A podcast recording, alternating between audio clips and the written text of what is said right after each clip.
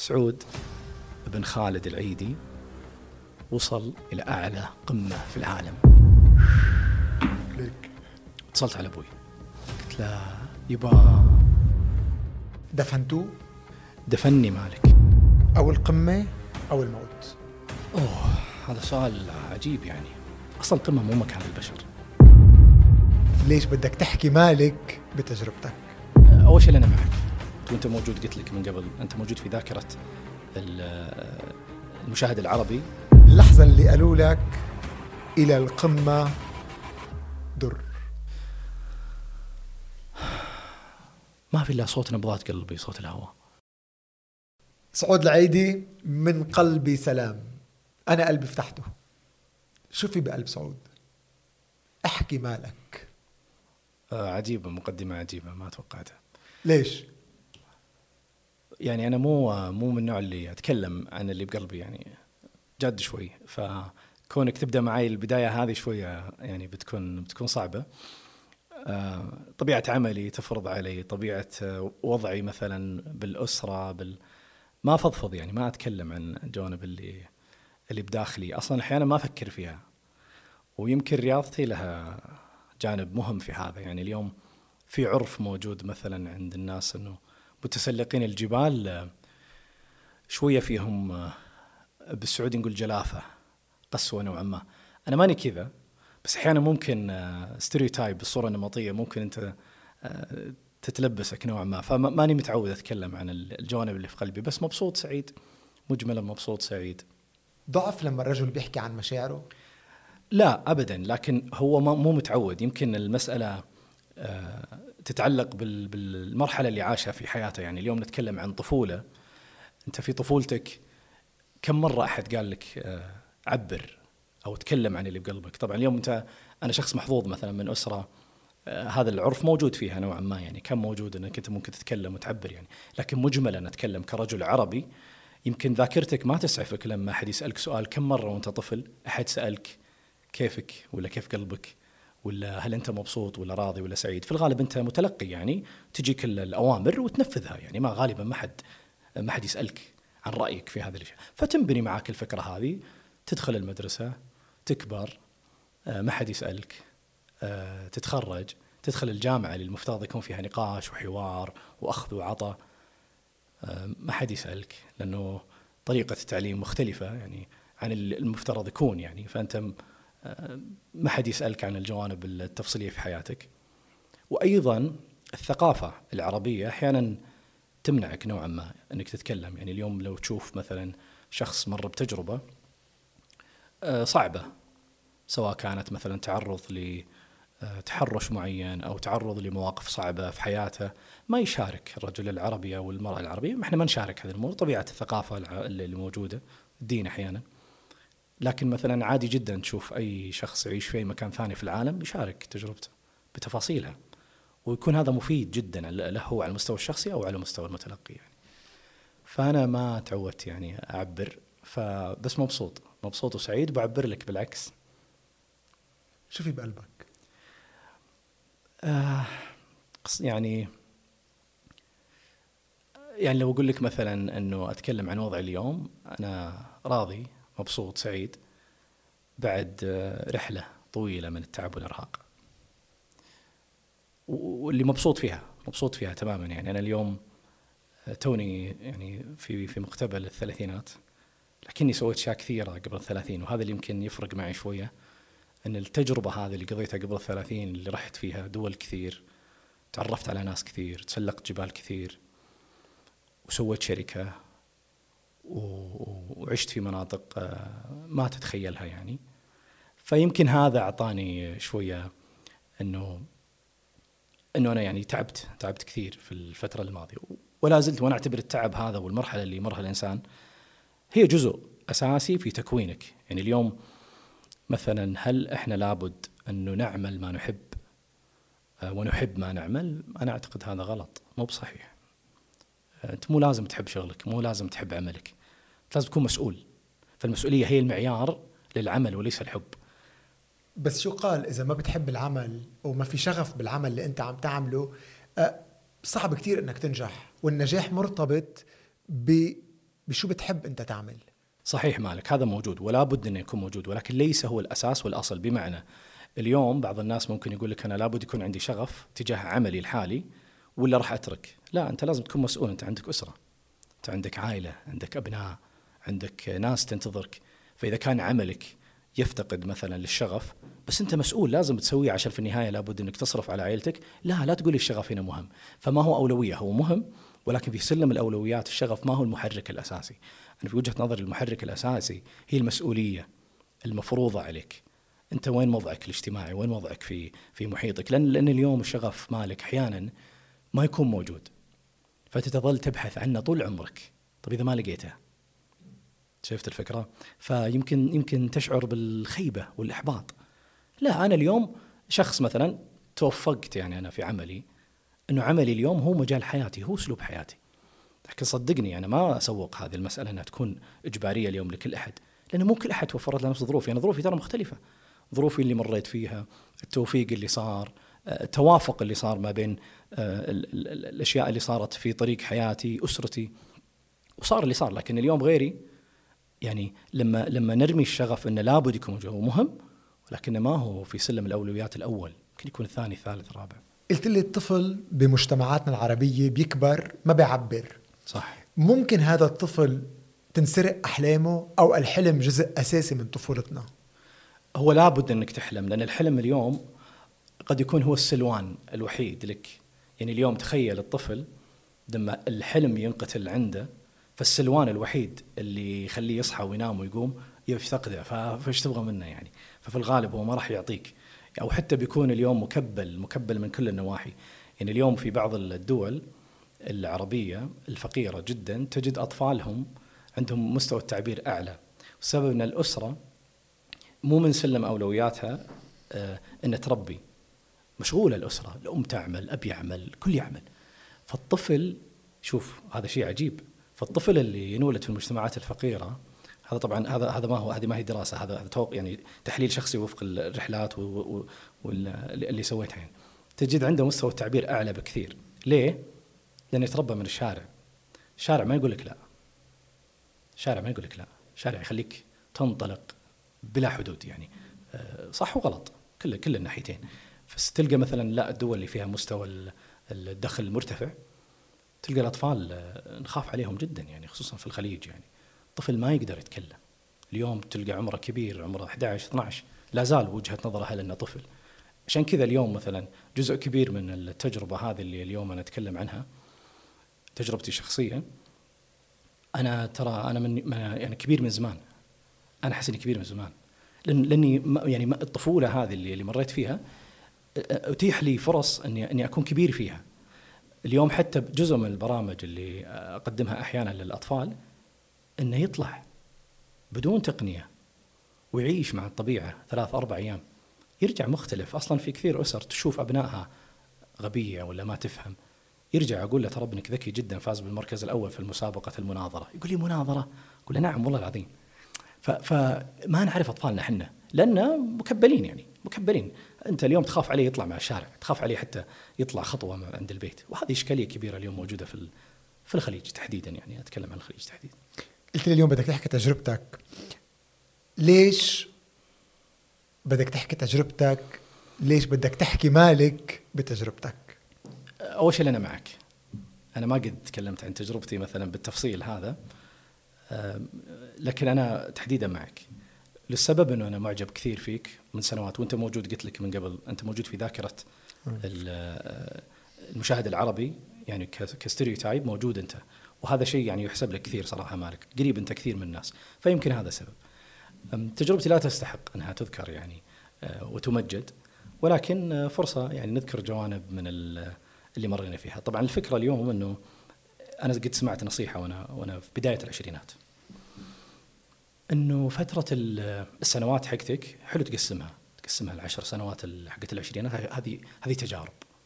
هذه القاعدة جميلة آه. جدا اليوم حتى لو واحد يبدأ يركز فيها شوي هو يشوف نفسه وين في في التجارب جرب. طب لازم أنجح؟ لا مو لازم تنجح وغلط تنجح وإذا نجحت هذا استثناء. جرب جرب كل شيء. حتى إذا عندك فلوس جرب كل شيء. جرب إنك تفتح بزنس وتفشل جرب إنك تتعرف على ناس جدد جرب إنك تجرب شخصية جديدة حتى أسلوب جديد. جرب جرب جرب جرب. إلى متى؟ الين الثلاثين. عشر سنوات ما في مانع. طب بعد الثلاثين اعمل أن يكون عندك مشروع. طب لازم يصير عندي مشروع ناجح؟ لا ابدا. مو لازم تحصد. جرب يصير عندك مشروع واعمل عليه. طب متى أحصد؟ عندك لين ال 40 هذه 10 سنوات. في العشر سنوات الأولى تجربة العشر سنوات الثانية لابد يكون عندك مشروع. يعني وفق التجربة 10 سنوات تجربة. الثلاثينات هذه هذه لابد يكون عندك مشروع. ايا كان هذا المشروع.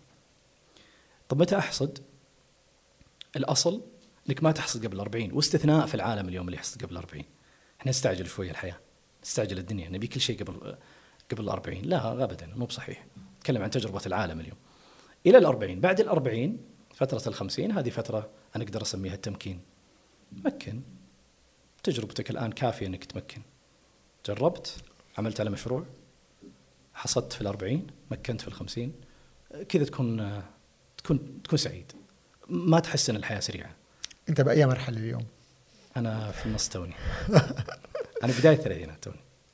سعود إذا بدي أرجع معك على البدايات وبدايات الحلم وحكيتني عن الطفل. رجع لي على الطفل سعود هذا الطفل بشو كان يحلم وهو صغير؟ طبعا أنا طفل بسيط عادي جدا ينتمي لأسرة متفهمة جدا لكن آه، زي أي طفل يعني بداية المدرسة وبدايه التعرف على الاصدقاء يحاول يكون له شخصية يعني. وأنا توفقت إنه فترة الطفولة كان الوالد كثير يأخذنا إلى إلى دول عربية. ونزور دول عربية كثير ونجلس فيها فترات كثيرة. فهذه هي الشرارة الأولى اللي خلتني أقول العالم أكبر من مدينة الخبر اللي أنا اعيش فيه يعني. أحيانا ما تدري يعني العالم أكبر من المدينة اللي تعيش فيها. فرحنا دول عربية كثير وهذه كانت شرارة جميلة يعني.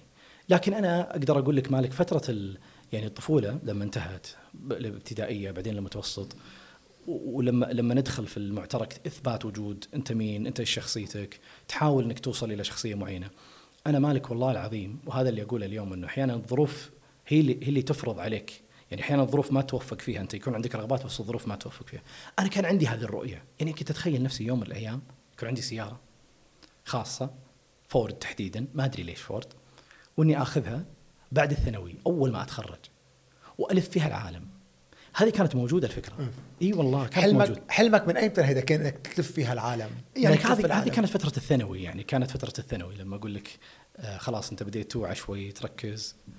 ففكرة اللف والذهاب طبعا هي أكيد لها لها أسباب. أنا في النهاية وأنا وأنا طفل كان الوالد يأخذنا دول عربية كثير كنا نشوف. أقول لك شيء أنا أنا أول مرة شفت الأهرامات. عندي صورة مالك. كنا اوريك إياها. أنا واخواني الصورة هذه حرفيا اللي يصير فيها هو عملي اليوم. أنا كنت الأول أقود المجموعة اللي هم إخواني لتسلق الأهرامات. طبعا ما تسلقناها كلها أكيد. تسلقنا يمكن تقريبا أربع ولا ولا خمس صخور كبيرة بعدين نزلونا وأتذكر الوالد صورنا صورة. أنا ما أعرف يمكن هذه الصورة وأنا أشوفها وأنا صغير. هذه جزء يعني من الطفولة. الصورة موجودة اليوم حتى اللي قبل قبل سنة ونص زرت نفس الموقع. مكتوب في لوحة كبيرة مكتوب no climbing ممنوع التسلق ما أنا جاي أقول لك إنه منعوا التسلق بمصر. فعلا فعلا. فاليوم أنا عملي هذا. أنا أخذ الناس إلى الطبيعة يتسلقون القمم ويرجعون مرة ثانية. يلي بيحلم يلي بيحلم بالقمم وبيوصل للقمة بضله بيحلم؟ أوه هذا سؤال عجيب يعني. اليوم كثير ناس عندهم اكتئاب بسبب القمم. تخيل. نعم. ليه؟ لأن القمة هي الهدف وهذا أكبر فخ. شوف أنا اليوم physically القمة هي هي العملي يعني أنا أتكلم physically القمة. خليك من القمة المعنوية إنه أنا والله يوم أوصل إلى قمة في عملي لا نتكلم القمة قمة الجبل physically هي عملي. تخيل مالك أخطر شيء لما تحط القمة هدفك. 90% من من وفيات متسلقين الجبال هي بعد القمة مو قبل القمة. قمة خطيرة. أصلا القمه مو مكان للبشر. إيه القمه مو مكان للبشر. مكان موحش جدا القمة. الله ما خلق القمم هذه إنك تتسلقها. لكن هي وسيلة إنك أنت تقدر اليوم تسوي أشياء كثيرة. لكن القمة لما تصير هدفك ترجع مكتئب. ترجع تقول أنا أنا اللي سويته صح. أنا اللي سويته غلط. طيب ماذا بعد؟ أنت سنوات تبغى توصل قمة. صح؟ حلم القمة إمتى بلش تحديدا حلم القمة ايمتى بلش صعود؟ أنا جاني اتصال في 2014 2015 تقريبا أنا كنت برا برا المملكة في أوروبا يعني وانه عندي رحلة مجانية مدعومة محمولة بالكامل إلى الهيمالايا من يومها من هذاك الوقت وأنا ست سنوات آكل أشرب أتعرف على الناس أعمل أكون صداقات أتمرن أشتري أبيع عشان قمة إيفرست. ست سنوات. لكن أنا عارف مؤخرا يعني قبل قبل القمة بسنتين ثلاثة أنا عارف إنها ما هي قمة هي الهدف. يعني لابد ما تكون هي الهدف. لابد يكون في شيء بعده. لأن إذا كانت هي الهدف برجع مكتئب. كثير من الحالات اليوم موجودة. اذا حد يبحث عنها في الإنترنت. كثير من اللي وصلوا قمم عالية جدا ما يسوون شيء اليوم. هذا الطفل اللي كان عم يحلم يلف العالم تحول حلمه إلى قمة إيفرست كيف بلش يحقق هذا الحلم؟ ومين دعمه بتحقيق هذا الحلم؟ ومين عارضه بتحقيق هذا الحلم؟ طبعا أنا مع فكرة عدم الإفصاح عن الأحلام. ليه؟ لأنه علميا لما يكون عندك طموح أو حلم معين achievement هدف تحقيق يعني تحقيق هدف.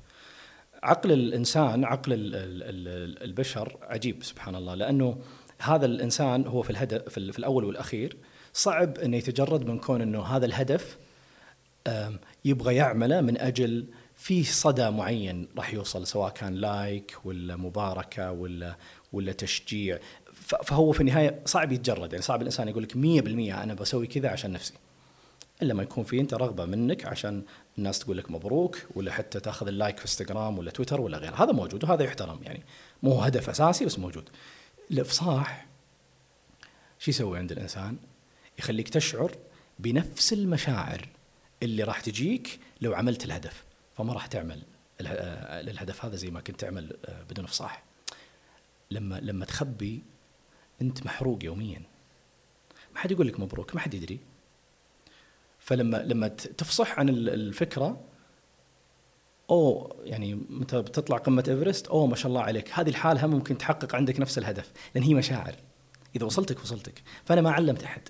ما حد يدري إني أنا بوصل قمة ايفرست أو أو هدفي أوصل إلى أعلى قمة في العالم وأشوف العالم من القمة يعني كيف شكل الأرض من أعلى قمة في العالم؟ فما حد يعرف. لكن أنا بدأت معاي من 2015 2014 تقريبا. آه، مصادفة رحت رحلة كان يقود هذه الرحلة أول سعودي يصل إلى قمة إيفرست اسمه فاروق الزمان. كنت أراقبه في الرحلة أقول هذا شو يسوي يعني؟ زينه هو يشرب زينه يأكل زينه ينام زينه شو يسوي يعني؟ طلع إنسان طبيعي جدا لكن عنده قوة عقل جميلة أو قوية عفوا بما يكفي أنه يسيطر على الأشياء التافهة اللي تصير في اليوم يعني.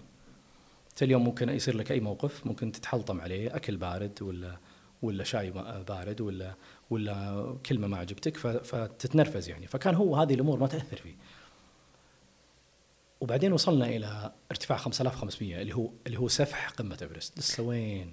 بس قبل قبل ما تطلع لإيفرست خبرت أهلك خبرت الوالد إنك أنت بدك تتسلق بدك تطلع إيفرست. شاركت الحلم مع المقربين أو ما شاركته حتى مع حدا؟ لا والله ما شاركت مع أحد. أنا قبل المطار بثلاث أيام آه، خبرت شريكي آه، في الشركة الأخ محمد الملحم. قلت له محمد أبغاك تأخذني بعد بكرة المطار. قال لي وين؟ قلت له أنا بروح أتسلق قمة إيفرست. قال أوف. لا هذا مقلب يعني أكيد بتروح مكان ثاني؟ قلت له والله العظيم قال فلوس وغير لا مكلف إيفرست يعني مكلف. قلت له إي والله بروح. وأنا في المطار كلمت والدي ووالدتي. طبعا اللي اللي ساعدني شو شو قال لك والدك؟ لما كلمته على المطار قلت له رايح أنا أتسلق. طيب أنا إيفرست. أنا والدي ووالدتي سنوات طويلة متعودين علي وأنا أروح وأجي. أنا أتسلق ترى من 2015 أنا أتسلق جبال. شو كان موقف الأهل إنه ابنهم آه، حب يسلك طريق يحقق حلم؟ يلف العالم ويبرم العالم. شو كان موقف الأهل؟ هل كان بدهم هيدا المستقبل لابنهم أو الأهل كانوا بمكان تاني بيشوفوا بيرسموا مستقبل آخر آه، لأولادهم؟ يعني خلينا نتكلم عن وضعي في الأسرة. أنا أنا وضعي في في البيت نوعا ما شوية مختلف. يعني أنا في صفة التمرد هذه اللي أنا أعتبرها زينة يعني حسنة مو سيئة. التمرد أحيانا ترى يصنف إنه مو زين. لا هو التمرد كويس بس لا حدود يعني لا لا تروح بعيد يعني. فأنا أنا أنا والدي ووالدتي متعودين علي هذا الشيء. فيمكن هذا ساعدني إنهم يعطوني لكن لو أخوي الصغير ولا الكبير ترى ترى بيرفضون. ف... بس كانوا داعمين كانوا داعمين لهذا الحلم؟ كان الوالد داعم؟ عادي لا عادي. عادي. يعني okay إحنا ندري إنك تروح تجي بس إيفرست هم ما يدرون عنه الحين. نعرف إنك تتسلق. بس إيش يعني تتسلق؟ ما يدرون إيش يعني تتسلق. هم يشوفون في التلفزيون اللي, اللي ينشر يعني في اللي يطلع في الأخبار وغيره يعني. بس, بس فعليا أتكلم social media حتى ضعيفة وقتها يعني. فما كان في أي ردة فعل يعني يعني عادي. سعود متعودين عليه. يروح يغيب ثلاث شهور ويرجع يغيب أربع شهور ويرجع. لكن طبيعة علاقتي مع والدي آه علاقة في جميلة جدا أنا أعتبرها رائعة. جميلة أو جدلية؟ لا هي جميلة لكن فيها تحدي. فيها لأنه يعني اجمالا الأهل لما يكون الولد متمرد نوعا ما بصير في صراع اجيال وبصير علاقة جدلية بين بين الأهل والأولاد. صحيح. قلت لي أنت متمرد. إيه. موجود. بس طيب التمرد اللي كان عندك اياه ما خلى علاقة جدلية مع الوالد؟ إلا. كان موجود لكن هذه العلاقة الجدلية آه، صحية. يعني أنا وقتها أنا زرت 88 دولة وتسلقت ما يقارب أكثر من 13 جبل حول العالم. فلو كانت علاقة غير صحية الجدلية هذه يمكن ما قدرت أطلع من البيت. لكن هذه العلاقة الجدلية تحدي أنا أسميه تحدي. كان كان بيني وبين والدي تحدي دائم. إنه؟ إنه أبوي كان يقول لي يلا أنت تقدر تسوي كذا يلا سوي وريني. وريني. إيه كنت أقول أقدر أسوي أنا. كان يقول لي يعني okay بس لو تركز على كذا أفضل لو تركز على كذا. على إيش؟ على شو على بدك تركز؟ خلاص ادرس جامعة تخرج من الجامعة خليك زي أي أحد. أه توظف وظيفة أه عادية خليك مدخول. ليش business؟ يعني الوالد كان يدري إن أنا مثلا أشتغل business من أول ما تخرجت. أنا ما توظفت مالك من أول ما تخرجت من الجامعة ما توظفت. فكان هذا الشيء بالنسبة لوالدي إنه تقدر تثبت وجهة النظر هذه. فما كان مقتنع زي أي أب مستحيل يقتنع بالفكرة يعني. لكن إذا أنت تشوف انها تقدر تثبتها اثبت لي يلا ورني يعني. فكانت هذه العلاقة هي علاقتي مع أبوي من عرفت الدنيا يعني. إنه أنا أحاول أثبت وجهة نظر وهو يحاول يثبت وجهة نظر. لكن سوي يلا إذا تقدر سوي. بس ما إنه داعم؟ يعني يعني ما هو داعم بالشكل التقليدي للداعم أقدر أقول لك. وهو ممكن يسمعني الحين. لا هو ما كان يعارض بس ما كان يوافق على الفكرة. وما كان يدعم. إيه؟ ما دعم. إيه؟ طيب أنت كملت تتسلق وتبرم العالم وتلف العالم وانت شاب بعدك بالجامعة بعد وما, وما عم تشتغل بدك دعم مادي. إيه؟ وأبائنا بيدعمونا دعم, دعم معنوي ودعم ودعم مادي أساسي. صح طيب يعني كان في ما كان داعم لهذا المشروع. آه، كيف قدر سعود يأمن المدخول اللازم كرمال يلف العالم أول شيء قبل ما نحكي إلى القمة الأعلى في العالم إيفرست؟ أنا كان مصدر دخلي آه، من هذا العمل. يعني أنا في 2014 أو 15 عفوا لما رجعت من هذه الرحلة مالك تركت عملي السابق. أنا عملي السابق كنت فيلم بروديوسر كنت منتج أفلام. كان عمل ممل جدا بالمناسبة يعني فالله يعينكم الله يعينكم يعني. فكنت أنا أعمل من أجل المال يعني أبغى فلوس بس. طيب. فلما رجعت من هذيك بس العمل مسؤولية. أكيد نعم مش انت يا سعود مش لا لا لا. في في في ممل يمكن ممل يمكن صح. بس العمل مسؤولية. مسؤولية. طيب. لابد إنك تتحمل. وأنا اليوم طيب. وقتها كان عندي هدف. ليش ما تحملت؟ ممتاز. لأن لأن طلع لي فرصة جديدة. وهنا لما أقول لك إن الظروف لما تطلع لك مفاجأة ان تيسر لك. كنت فيلم يعني بروديوسر وبيك ما بده يدعمك. قال لك أنا في تحدي بيني وبينك. أنت بدك روح الله يسهل لك. م. أنا بدعمك من بعيد لبعيد. صلا أنا بصلي لك وبدعي لك. صح. الله معك. وما راح أمنعك. هذا هذا محفز جدا كبير بالنسبة كان محفز ما إيه؟ كان بس ما كان هيدا الشيء ممكن يشكل عائق لمراهق بده يلف العالم ما عنده دعم الوالد إن كان دعم معنوي إن كان دعم مادي. لا شوف المعنوي يعني هيدا هيدا هيدا أكثر من تمرد. صح صح صح. وقتها يعني ما كان حتى في ناس يسوون هذا الشيء. يعني وقتها كيف واحد في الثانوي يطلع يلف يروح دول يلف العالم يروح. بعدين وقتها مثلا أنا في مالك تقضي فترات طويلة تقضي شهر شهرين ثلاثة. يعني أذكر أنا قضيت في أمريكا اللاتينية ثلاث شهور مع اللاجئين عملت فترة مع اللاجئين في أوروبا. قضيت ثلاث شهور وغيرها. هذه ما حد ما حد مستحيل أحد يدعمك. حتى لو واحد يعني يقول لك والله أنا عندي المال وعندي الرغبة ليش أدعمك؟ مو واضحة لي الرؤية. أنت إيش قاعد تسوي؟ أنت قاعد تضيع وقتك. لكن في الواقع ما حد بيحس ويشوف اللي اللي, اللي, اللي تشوفه غيرك. انت أنت اللي قاعد تختلط في الناس أنت اللي قاعد تتعلم لغات أنت اللي قاعد تتعلم من كل واحد تشوفه. فهذيك الفترة فترة اللي هي الثانوي إلين 2000 وتخرجت تقريبا 2012 إلين 2015 أنا كنت film producer منتج أفلام. هذا مصدر دخلي الأساسي. وكان وظيفة مملة؟ يعني هذا business ما كان ما كنت تحبه؟ ما كنت أحبه. يعني كنت ملزوم بالتسليم والاستلام والوقت وكذا لكن كنت أعمله من أجل المال. والحمد لله. كان كان مصدر دخل رائع جدا لشاب في مقتبل العمر بس هيدا كان كيف كرمال تمول السفرات ولف العالم؟ لا لسه ما جت هذه. لما رجعت من الهيمالايا 2015 كان هذه أول مرة أشارك برحله فيها مجموعة أشخاص ما أعرفهم. طبعا أنا كنت فري رايح مجانا يعني. لما رجعت من هذه الرحلة مالك بدت معي السفرات ولف العالم. قبلها كنت أروح أسافر أزور الدول ألتقي الناس لكن ما كانت الرؤية واضحة بالنسبة لي. في 2015 لما رجعت أسست الشركة اللي كنت أنا الموظف الوحيد فيها اللي كان اسمها الرحال الشرقي. هذه كنت أنا سويتها في خمس دقائق والهدف يوم رجعت من الرحلة الناس الأصدقاء المعارف سعود وين كنت؟ شلون جبال وطبيعة؟ إحنا متعودين عليك تروح تسافر سفرات عادية يعني. نبغى نجي معك. قلت حلو بس هذا البزنس. قلت كم تدفعون؟ كم تروحون تدفعون في لندن وباريس؟ أعطوني نص القيمة مالك، نص القيمة أقل حتى. هذا المبلغ أنا بوفر لكم رحلة بتزور فيها مكان مجهول هذا واحد اثنين بترجع تبغى ترجع مو متمسك في المطار. رقم ثلاثة عندك قصة تحكيها. بخليك تمشي 150 كيلو متر تتسلق ارتفاع عالي تزور قبائل في أماكن مجهولة تروح تزور كهف في في فيتنام تروح تتسلق قمة في كليمنجارو تروح تزور غابات الأمازون تروح تزور أوه عظيم. من هنا بدأت الرحلات من هنا بدأ مصدر دخلي الجديد اللي كنت بعد الرحلة أخذ المبلغ كامل وأكمل فيه. يعني كان هيدا حجر أساس لما وضحت الرؤية وتعرف حالك شو بدك. صحيح. شو كان بدك؟ كنت أبغى أوقف على أعلى قمة في العالم. رائع. إي والله. يا يا سعود رائع. يعني اليوم أنت لما تزور في هذا العمر 80 دولة ولا ولا 70 وتشوف كل شيء مالك. أنا في البداية يعني شوية تغير معي الموضوع لأن صرت صارت تتكرر علي الأماكن والأشكال. الأماكن اللي أزورها يعني. مليت. فايش سويت؟ صار الهدف هو الإنسان. مو المكان. عشان ما أطفش فصرت أروح أشوف قبيلة الشيربا اللي تعيش في الهيمالايا مو جبال الهيمالايا فقط و إلى آخره لكن لما بدأ معاي إنه أبغى أكون على أعلى قمة في العالم وأشوف العالم من فوق يا أخي كيف صاير؟ كيف شكل العالم؟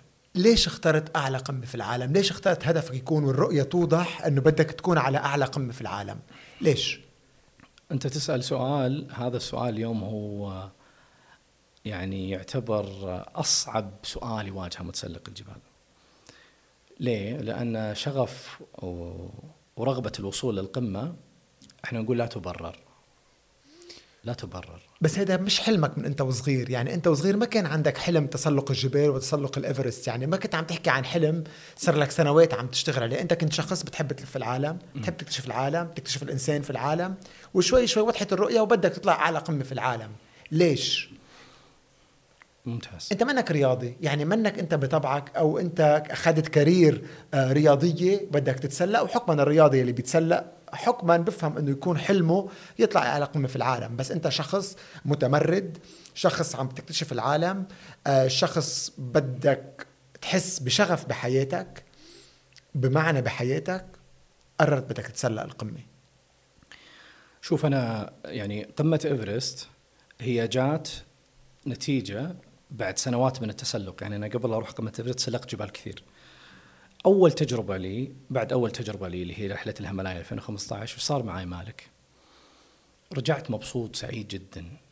ورجعت هادي مسترخي. أسمع ما أتكلم كثير. أقدر كثير من الأشياء اللي موجودة حولي. حرفيا مالك ما هو شيء يقال فقط للإعلام. يعني فرشة الأسنان المعجون الأكسجين. السرير البيت. هذه مالك خلتني مدمن لهذا الشعور اللي هو أوف يا أخي والله الحياة عجيبة ها؟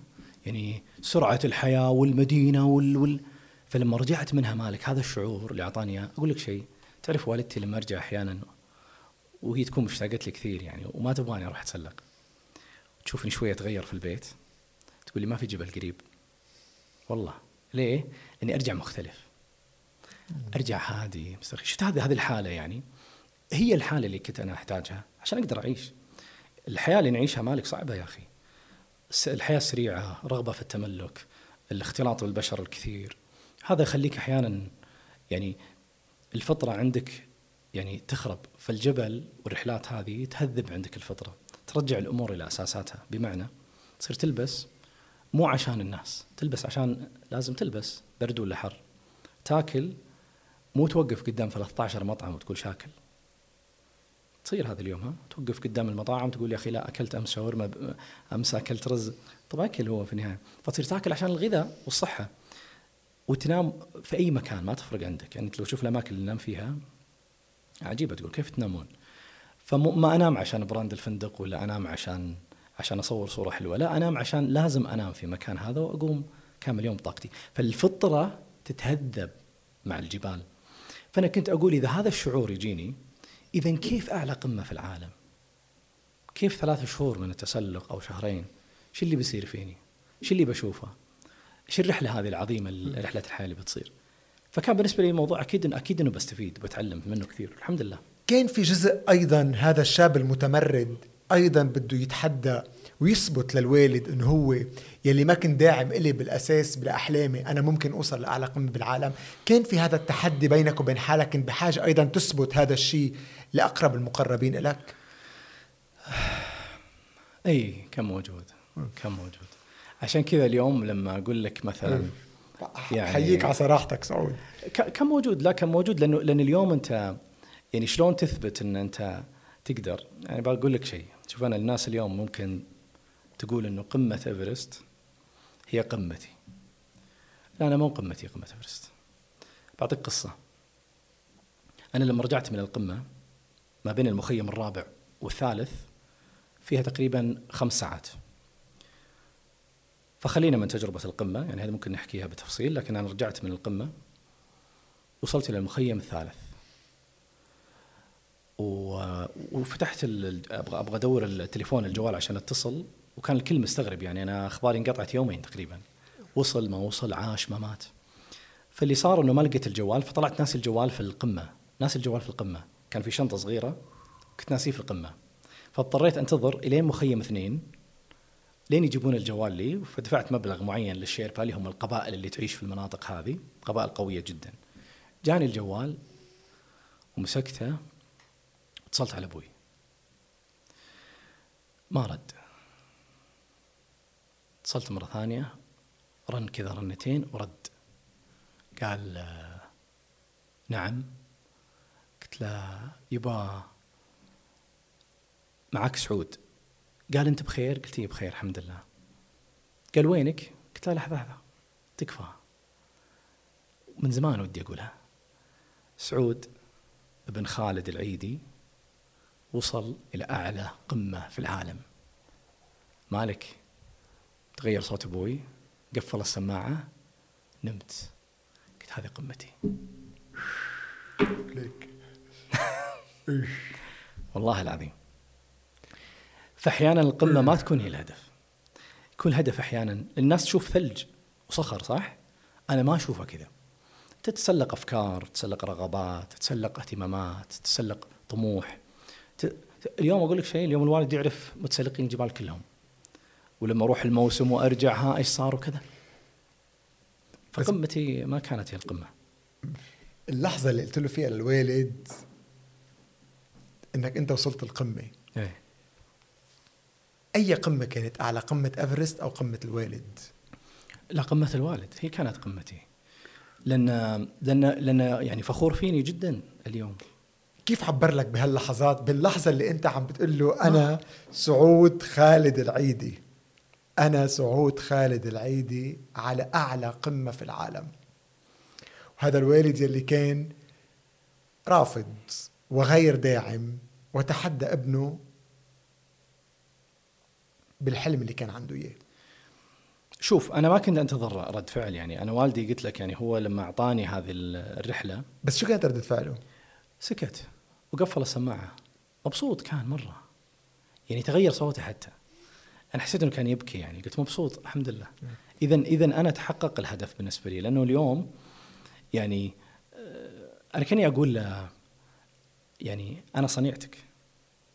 أنا صنيعتك. أنا صنيعة يعني هذا الرجل العظيم اللي اللي سوى لنا أشياء كثير في حياتنا. بس يمكن رحلتي هذه لا كان كان كان مو متقبل فكرة. زي زي بدون شك يعني ما يبغى ولده يروح للتهلكة. واليوم كثير ناس تتعرض للموت تتعرض للخطورة. كيف حضرت حالك سعود كرمال تتسلق القمة الأعلى في العالم؟ يعني أول شيء التمويل قلت لي التمويل أنت كنت بلشت صار الرؤية عندك واضحة بلشت تفتح بزنس. وبلش الناس يسافروا معك أه ولكن الأصعب من التمويل إلى قمة أفرست الأصعب هو التحضير النفسي والتحضير الجسدي والتحضير البدني. كرمال تقدر توصل إلى هذه القمة. طبعا التمويل كان جزء آه، في في فترة الإعداد والتجهيز كان مني لكن بعدين أنا حصلت على تموين من آه، من شركة آه، من بنك هو اللي مولني الرحلة بالكامل. وكان قبل الرحلة بأيام قليلة فأنا كنت اتخيل كل سنة أقول إنه السنة الجاية هي سنة القمة سنة القمة. إلين جاني تمويل يعني في مفاجأة يعني. فطبعا أنا ست سنوات جاهز ست سنوات أتدرب. وهنا الفكرة إنه أنت اليوم أحيانا لما يجيك يكون عندك شيء معين تبغى تسويه أحيانا أنت تنتظر لين لين يقرب منك عشان تقرب منه، الكلام هذا غير صحيح، هو ما راح يجيك. أنت لازم تجهز نفسك وتعد بالكامل، يعني اليوم آه، جسديا آه، لياقيا حتى نفسيا. حتى ماليا أنت مو لازم تنتظر هي فرصة بتجي بس متى ما أعرف. لكن أنت خليك جاهز. يعني لأن ممكن تجي اليوم ممكن تجي بكرة. ويمكن ما تجي. ويمكن ما تجي فعلا. وإذا ما جت ترى مو مشكلة. انكسار كبير لما تكون أنت عم تحلم وعم بتحضر حالك وعايش هيدا الشغف وما تجيك هذه الفرصة. هو انكسار. صحيح بس تعرف شيء مالك أحيانا يكون هذا الشيء محفز إنك تبدأ ت... يعني تكمل استمرار لأن أحيانا لما لما يجيك الشيء لذته خلاص لما لما يوصلك شيء لذته تفقدها أنت. تشوف أنت أحيانا تبغى شيء معين لما يجيك خلاص. أحيانا لما ما يجيك تستمر في العمل وهذا اللي كان يصير معي أنا إنه متى راح يجي ما أعرف. راح يجي ون داي يعني بس متى ما أعرف. فكنت ست سنوات أنا جاهز والله العظيم لو قالوا بكرة تروح روح رحت. كيف يعني تحضر حالك؟ كنت أتسلق يعني أنا تسلقت جبل كليمنجارو 12 مرة. جبل كليمنجارو على قمة أفريقيا 12 مرة كنت أطلع الناس أكثر من 12 دولة في العالم أخذهم كنت أتمرن كانوا الناس أحيانا يقولون هذا كيف ما يطفش ما يمل جبل تسلق 12 مرة وما يدري هو عشان كذا أحيانا تشوف ليه كنت عم تتسلق 12 مرة؟ عم تتسلق كرمال تتمرن كرمال نعم. كرمال القمة نعم أتمرن إنه يوم ما سأكون على قمة آه، العالم، متى ما أعرف. أتمرن وأخذ فلوس، مهمة هذا الجانب. كنت أنا أطلع الناس مو free، الناس كانت تدفع لي فلوس. كانوا يدفعون لي إنه يروحون معي سكوتلاند بيرو آه، آه، كليمنجارو أكثر من من عشر دول. كان هذا الحلم فقد من قيمته إذا خبرت العالم إنه أنت كان عندك طموح إيفرست؟ يعني نعم أنا يمكن ما راح أعمل نفس الجهد. وأقول لك شيء الرحلة بتفاصيلها عشان أقول لك إنه أنا فعلا عملتها من أجل نفسي ومن أجل أسرتي ومن أجل الناس المقربين لي. أنا إلى اليوم هذا ما تكلمت عن تفاصيلها كلها. صحيح عملت movie بس أنا ما تكلمت. أنا حتى ال talk بعد الرحلة ما سويت talks كثير. ويمكن الفكرة إنه أبغى أبغى أوصل يعني فكرة إنه أنا مثلكم أنا مريت برحلة صعبة بكيت حاولت أستسلم كثير طبيعي جدا ماني البطل العظيم اللي ما تقدر تصير زيه. وهذا الإشكال اللي اليوم أنا كنت أشوفه مالك قبل لا أطلع. كنت أشوف أبطال بس. ما حد كان يشاركني رحلته ما حد كان يشاركني التفاصيل الصعبة متى بيرجع متى. ليش ليش اليوم ليش اليوم قررت تحكي كل هذه التفاصيل لأول مرة؟ يمكن لأنه اليوم آه بعد هذه السنوات يعني اليوم أحس إنه أول شيء لسه الحياة ما انتهت يعني. أنا لسه عندي كثير طموحات راح أسويها. فيمكن هذا جانب مهم جدا إنه اليوم مهم الناس تعرف شو اللي حصل. مو مهم الناس تعرف شو اللي حصل بالتفصيل يعني بمعنى إنه عشان يعرفون بس. لا بالنهاية لازم تستفيد الناس من التجربة. أنا اليوم طموحي مالك إنه يصير في كثير آه، آه، آه، عودة إلى الطبيعة. مو مو لازم نخلي الناس تسلق الجبال لكن اليوم مهم جدا. إحنا يعني نجرب هذا النوع من الرحلات. الحياة اللي نعيشها ما تخلينا يعني ما تخلينا نقدر نواكب 30 سنة الجاية. 30 سنة الجاية صعبة جدا مع التيك توك والإنستغرام وتويتر والحياة اللي موجودة وحب التملك والرغبة في الأشياء. تحتاج تطلع من هذه الدوائر تحتاج تروح للطبيعة تحتاج تختلي بالطبيعة كثير. اليوم ما هو صدفة اليوم الاختلاء بالنفس والطبيعة؟ هي طريقة الراهبين والرهبان والعارفين والأنبياء وال... على مدار التاريخ. على مدار التاريخ هذه كانت أماكنهم. هم كانوا يعيشون فيها. شو اكتشفت بالطبيعة؟ يعني أول شيء أنت أنت أنت لازم لازم تزور لأن هذا المكان مخلوق من من أجلنا. يعني اليوم أنا عندي قناعة أن الإنسان هو محور الكون. هو محور الكون يا أخي. ولا الله ليش يخلق هذه الأماكن؟ يخلق هذه الأماكن فقط للدواب؟ لا يخلقها للبشر. فهذه الأماكن لك أنت لازم تزورها أنت لازم تستمتع فيها. أيضا لما تقول أنت سؤال وش اللي راح يجيك؟ لا تنتظر هذا الشيء لأن الطبيعة راح تهديك بدون ما تطلب. أنت بترجع مبسوط. بس الطبيعة قاسية. صح. وتحتاج هذه القسوة. نحتاج إن نصير خشنين شوية. نحتاج إن ندعك لازم. عشان ترجع تقدر الأشياء مالك. يعني إحنا اليوم ما نقدر نعيش الحياة برغباتنا. شوف متى آخر مرة فكرت فيها إنك ما تتخذ قرارات؟ ما في. يعني اليوم أنت لما تروح رحلة خلوية وتجرب التخييم وتجرب المشي الطويل تعرف ما تقرر؟ لأن الجو آه، ممكن يتغير بدون ما تقرر. الأكل اللي ممكن تاكله أنت مجبور عليه. النوم اللبس الناس اللي حولك. فكرة إنك دائما تتخذ القرارات بنفسك ترى فكرة فكرة مو صح حلو إنك أحد يتخذ عنك قرار وتلتزم فيه. تحتاج تتعلم. شفت هذه الفكرة إنه اليوم إحنا نحتاج نكون مسؤولين. أمام أنفسنا ونحتاج نخشوشن أكثر. ونقدر هي اللي بتخلينا نقدر نكون عايشين 30 سنة جاية بصحة نفسية. آه، آه، رائعة. عم تحكي كتير أمور سعود. رح أرجع لهم بعد شوي ورح أحكي عن مفهوم البطل، البطل ليكون بطل هو بطل بيتعب، بطل بيبكي، بطل بينكسر، مش البطل بيوصل إلى القمة آه، بسهولة. كتير حلوة الصورة اللي اعطيتها عن البطل. غير الصورة اللي بنشوفها إنه خلص هيدا بطل وهيدا ما بينكسر وهيدا ما بيبكي وهيدا ما بيوجع إي بالضبط أنا إيش هدفك أنت؟ أنت هدفك الناس تجرب ولا هدفك أنت تظل الوحيد يعني في هذا المكان؟ هدفك الناس تجرب، هدفك الناس تعيش التجربة اللي أنت عشتها لأنك أنت تعلمت واستفدت انك مقتنع منها فيها، إذا مو مقتنع فيها أوكي لا تسوقها. أنا وجهة نظري اللي اللي يبرز البطل بشكل يصعب تقليده هذا ما يبغى الناس تجرب تجربته. يمكن تجربته مو مو حلوة، يمكن تجربته خاطئة. لا إذا أنت تشوف إن هذه التجربة تستحق يا أخي ظهرها للناس بطريقتها. شوف اليوم في كتاب مشهور جدا وقتها حقق الأرقام أكثر مبيعا اسمه أعتقد اسمه Into the Wild كتبتها كاتبة مشهورة جدا جربت مسار في من كندا للمكسيك أعتقد اسمه مسار PCT أعتقد اسمه كذا. يمكن أطول مسار في العالم ست شهور تخيل ست شهور مالك. كتبت الكتاب هذا بطريقة شاعرية جدا. اللي هي البحث عن النفس واكتشاف الذات والشغف والى آخره. تعرف أن هذا الكتاب رغم انه الأكثر مبيعا لكن آثاره السلبية مع انه مع أنه ما لها مقياس محدد اثارها السلبية يعني باهظة الثمن كثير ناس فقدت أرواحهم. ليش؟ لأن الكاتبه أخطأت خطأ كبير جدا. إنها ما أظهرت في الكتاب الواقع اللي عاشته البكاء ليالي البكاء ليالي الحزن ليالي الألم. فالناس كلها تبغى تجرب ان تبغى تبغى إيش؟ تبغى تكتشف ذاتها ها؟ لا حلو انه يعطيك الجانب الحقيقي من التجربة. البكاء الالم اللحظات كثيرة اللي قررت فيها أرجع. إيه. نعم. لأن أنا مثلك. لازم تعيشها. خوف تعب. نعم. هذه كلها تصير.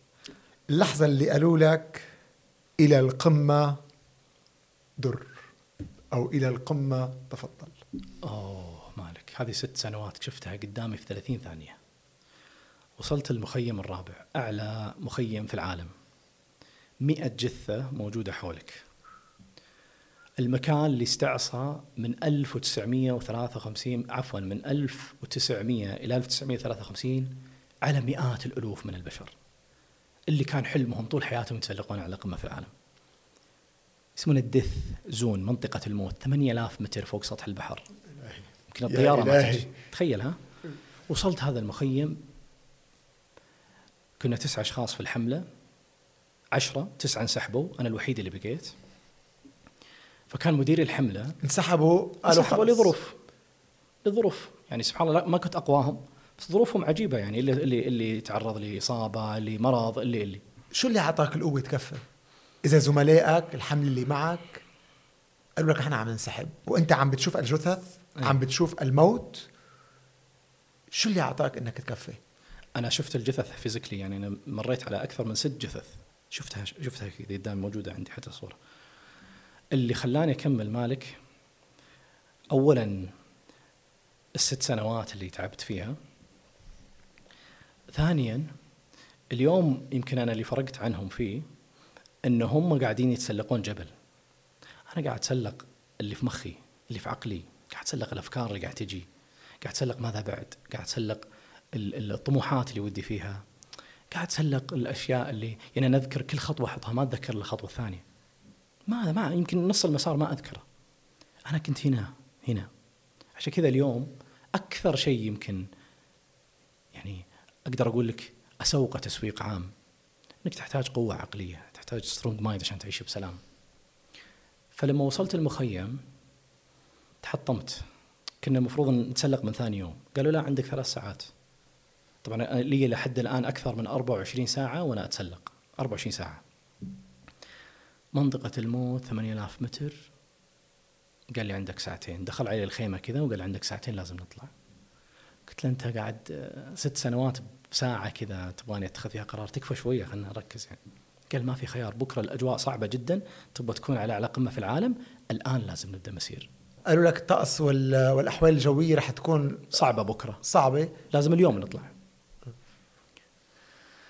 طبعا هذا أتكلم أنا بعد شهرين الآن. أنا خلصت الحين أكثر من 60 يوم في الجبل يعني. فوصلت إلى منطقة لا عوده يسمونها physically يعني. إذا رجعت بعدها ما حد يطلعك خلاص. وقفت كذا ما نظرت فهمت. شو منطقة العوده شو هي تحديدا؟ الحين هذا المخيم طلعت من الخيمة. ورحت إلى منطقة فيها علم. هذه المنطقة يسمونها منطقة اللا عودة. يعني أنت وال guide اللي معاك اللي هو الدليل متسلق يعني صديقي أنا هذا الشخص شيربا اللي من من منطقة النيبال. هذا هو اللي معي طول الوقت. يعني مش مش لوحدي يعني ما هي رياضة ليست و- رياضة تنافسية فردية. لا أنت لازم مع مجموعة. وهذا ترى تعلمت منه أشياء كثير بعد ما رجعت يمكن بعد شوي نتكلم عنه. فوصلنا إلى منطقة غير مسموح العودة منها. يعني خلاص أنت إذا وصلت هذه المنطقة اذهب إلى القمة فقط بلا عودة إلا أنك ترجع طبعا سليم بعد ما توصل. لكن إذا قررت ترجع بعد ساعة ساعتين ثلاثة خلاص ما عاد تطلع مرة ثانية. يرفض ال- الدليل حقك أنك تطلع مرة ثانية. فهذه المنطقة مجرد ما أحط خطوة انتهى. فنظرت كذا لا قمة بعيدة جدا ما أشوفها يعني ما تبين. ما في إلا صوت نبضات قلبي صوت الهواء. قلت خلاص. الآن هذا هو الوقت. وبالنسبة لي ما راح ما راح يعني ما راح يجي في خاطري شيء اسمه تعب. وفعلا مالك كانت أقوى لحظات شعرت فيها بالقوة في حياتي. كانت هذه اللحظات. ما أذكر أني تعبت فيها. بلشت الساعة سبعة ونصف الليل مسير بلا توقف ثلاث جثث مرت علي في الطريق وصلت إلى منطقة اسمها البالكوني هذه بالكوني بعد ما يقارب أربع ساعات من الصعود المستمر. أشرقت الشمس بديت أشوف النور يطلع من تحت الغيوم ومنظر الشمس تشرق من تحت الغيوم. هذا منظر مرة أشوفه في حياتي. أشوف الشمس تشرق من الأرض أنا على سطح البحر لكن الشمس الحين قاعد تشرق من تحت الغيوم وتنعكس على الجبل. واشوف على يساري ظل جبل إيفرست على على الجبال اللي تحت، والجبال اللي تحت عالية جدا لكن لكن ظهرت صغيرة، ظهرت ظهرت لا شيء أمام هذا العملاق اللي استعصى على مئات الألوف من البشر طول السنوات الماضية. وصلت إلى منطقة ال Balcony بعدين بديت بديت اطلع اطلع أطلع. قوة عجيبة. لين وصلت منطقة أخطر منطقة في إيفرست يسمونها Hillary Steps. هذه المنطقة مالك لا يعبر منها إلا قدم واحدة فقط. يعني حتى الجسد كامل ما تقدر لازم تكون تكون على جنب لأن المنطقة صايرة على cliff حاد جدا. هذه المنطقة وصلها كثير من الناس قبل 1953 لأن أول مرة يصل إنسان إلى إلى قمة إيفرست كان 1953 هذه منطقة كانت تستعصي على الناس كانوا يطيحون تحت في الأرض. ففي منطقة يقال إن فيها جثث يعني ما لها حد ولا لأن ما حد يقدر يعديها. اثنين من البشر قدروا إنهم يصنعون مسار اللي نمشي عليه اليوم. وصلت هذا المسار.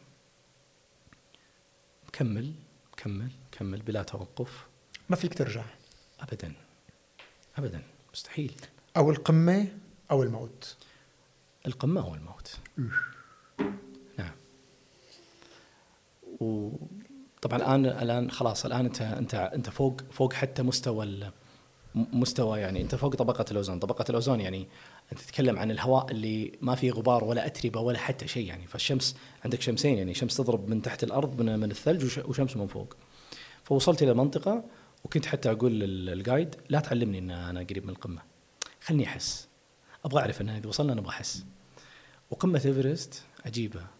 قمة physically يعني في كذا شيء تحط أصبعك عليه وتلمس هذه هي القمة.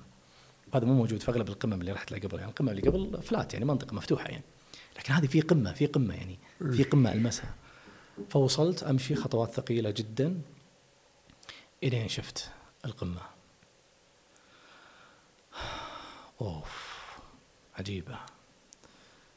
منظر العالم من فوق جبال التبت عن يميني جبال الهيمالايا عن يساري الصين قدامي الهيمالايا ورا الهند آه، يمين يعني بعيدة شوية. أنا على أعلى قمة في العالم.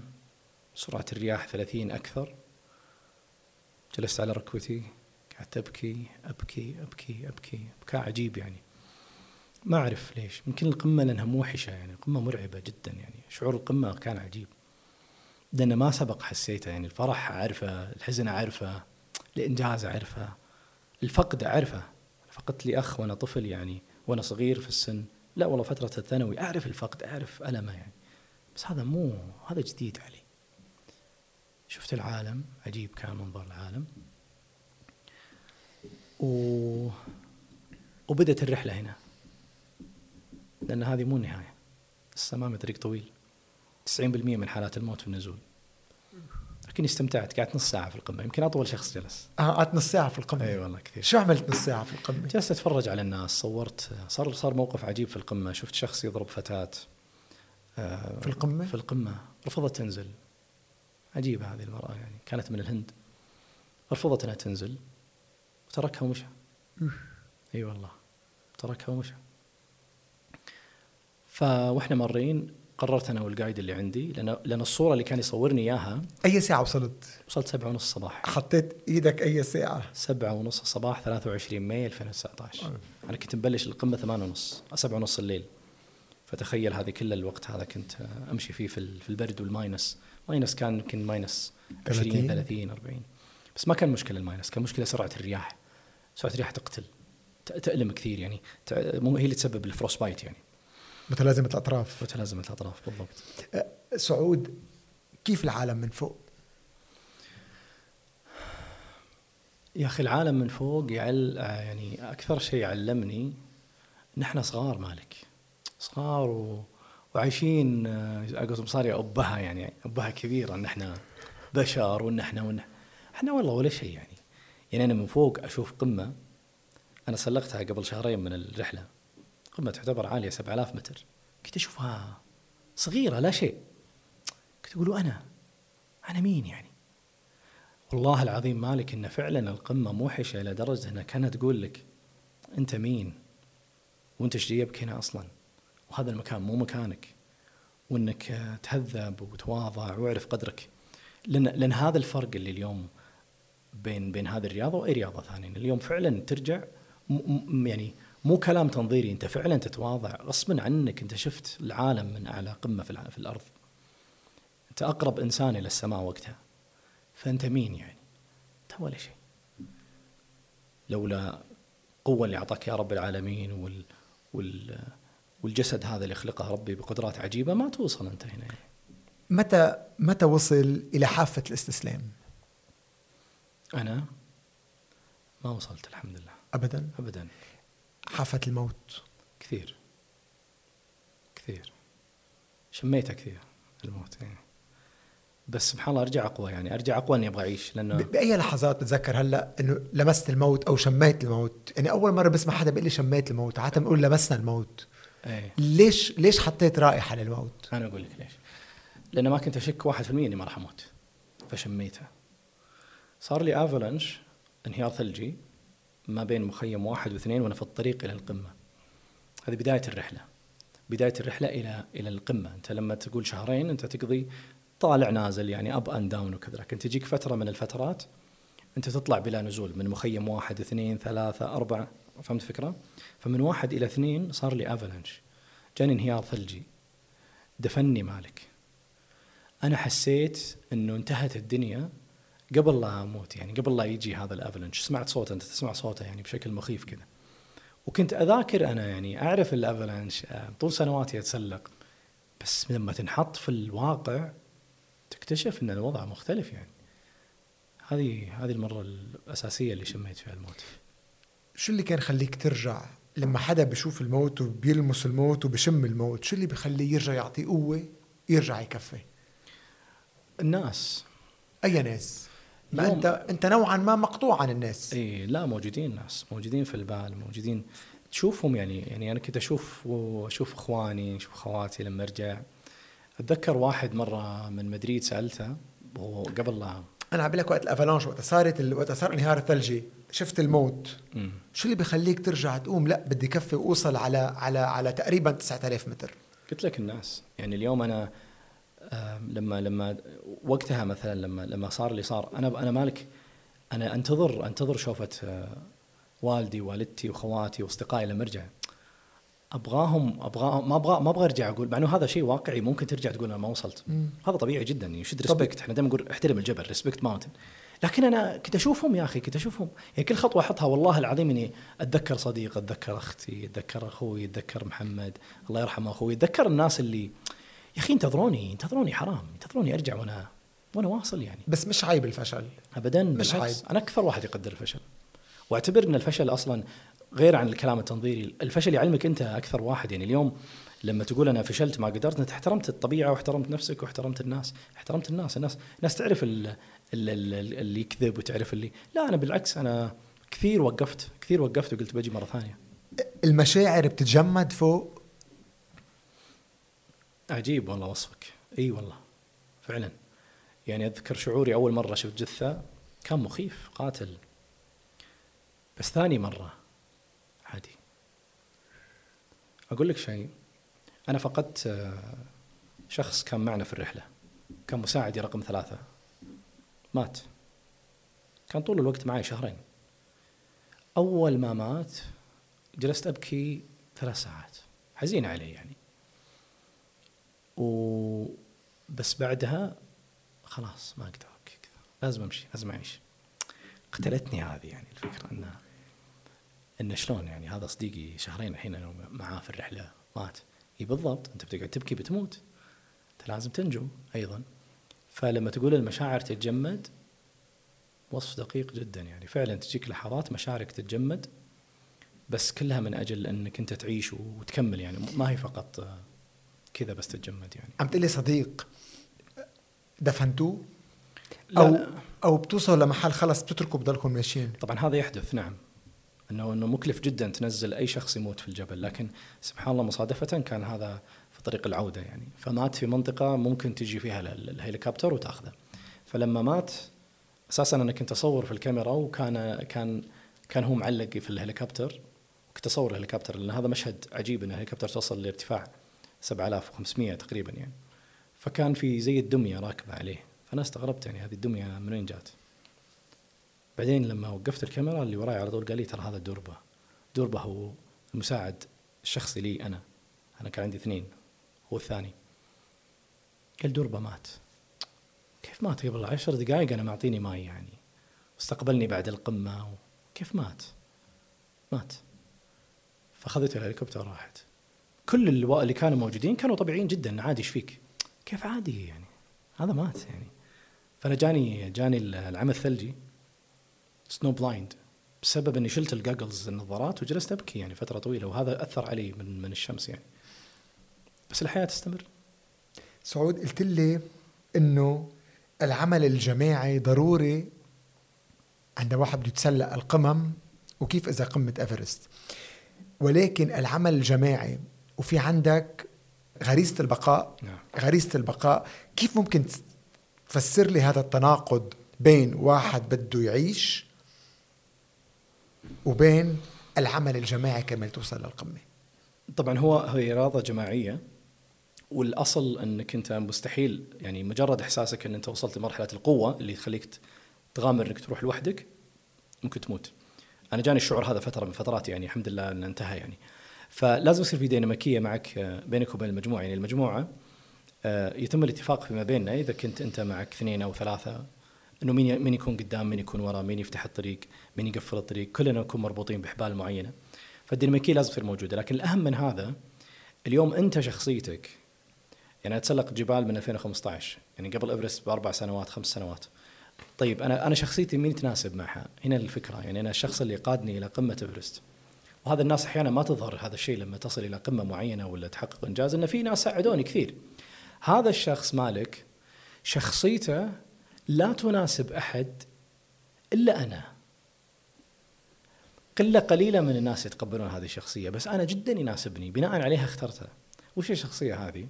هي الشخصيه اللي ممكن يقول لي في لحظة من اللحظات آه أنت تبغى تتسلق؟ اي لا لا ما ما تقدر يقتلني هذا. يقتلني مالك. يموتني. يمكن أوصل يعني بس عشان اقال هالكلمه هذه. فهذا اللي شخص اللي أخذني اسمه اسمه اسمه باسنج هذه شخصيته تماما. فاليوم الديناميكيه اللي كانت موجودة بيني وبينه إنه كان في بعض المرات يشوفني لا شيء. أنا أنا شخصيتي ينفع, ينفع لها الشخص اللي كذا. لكن تجي تحمسني وتشجعني أكثر من اللازم ما أتقبل الفكرة. بالعكس أشوفك أنت شخص قاعد تبالغ يعني. أثناء العودة قلت لي وصلت وصلت على القمة شفت العالم من فوق لحظات رهي يعني عم توصف لي لحظات مهيبة عم بتعيشها فوق. العودة من القمة لا تقل خطورة عن الوصول إلى القمة. نعم. أي قمة ترى؟ حتى لو نبي نطبقها على الحياة الواقعية دائما طريق العودة ممل طريق طريق العودة يفتقد للشغف. طريق العودة دائما يكون آه، لو بنطبقها على الجبل يكون فيه الجاذبية أعلى وإلى آخره. فأنت راجع الشغف تقريبا ميت آه، ما في هدف واضح آه، تقريبا تستسهل الأمور. دائما طريق العودة كذا. وهنا الإشكال إن أحيانا لما تبي تبدأ مشروع يكون يكون نهاية المشروع هو تحقيق المشروع مو ما بعده يعني. أكيد واعي لفكره ما بعده لأني ما كنت أبغى أموت أكيد ما تبغى تموت تبغى الذاكره صح. فأنا كنت واعي لفكرة ما بعد القمة. فطريق الوعده كنت العودة كنت مركز بشكل مرة كبير لكن حالة الوفاة اللي صارت هذه الموت تعبتني نفسيا كثير. لكن الحمد لله كانت كانت العودة بالنسبة لي شاقة صعبة. صح انتهى الأكسجين عندي وقدرت أبدله في لحظات صعبة جدا. لكن كانت بالنسبة لي يعني ناجحة. لما لما انتهت الرحلة انتهت رحلة النزول هذه كاملة صار عندي شيء غريب. كنت أسأل نفسي أقول أنا ليش سويت كذا؟ إي والله. ليش الناس فرحانة؟ ليش الناس مبسوطة؟ يا أخي يمكن أرجع رجل سيء. أسوأ من اللي الإنسان اللي راح. يكون عندك غرور إنك أنت وصلت القمة. أنا ما أعرف ليش كنت مبسوط. آه ليش كنت مستغرب هذا الشيء إنه فعلا يمكن أنا فعلا أرجع شخص سيء طب طب ليش الناس مبسوطة؟ ليش أنا مبسوط؟ لا لحظة هدي شوية. إذا ما طلعت من هذه التجربة برؤية واضحة إيش تبغى تصير؟ اللي أنتجت بعدها شركة بانجيا يمكن كنت فعلا بستمر بنفس المشاعر القاتلة. وهذا اللي خلى الرؤيه عندي تتضح بعد بعد العودة. أول لقاء مع الوالد بعد العودة. إيه؟ لحظة العودة وملاقاة القمة الثانية الوالد. حضني يعني من النادر الوالد إنه يحضني آه، طبيعة الرجل السعودي والشرقي بطبيعته يعني وليس الوالد تحديدا. والد again رجل عظيم جدا. اليوم صديقي أكثر من إنه والدي صديقي اليوم أكثر واحد ترى يضحكني أبوي اليوم. حضني والله. وقال لي إيش لبست في الجبل؟ قلت له لبست ال down suit البدلة هذه الكبيرة. قال لي روح روح ألبسها. تخيل كني طفل. رحت لبستها جيت عنده في الصالة وهو جالس كذا. والدي شخصيته عادي يعني ما, ما يعبر كثير بس إنه مبسوط مرة. فقال لي إيوه. آه لبست كذا. أوه كيف؟ فأنا أتخيل مالك كذا أوريه لبسي أوريه شكلي أوريه.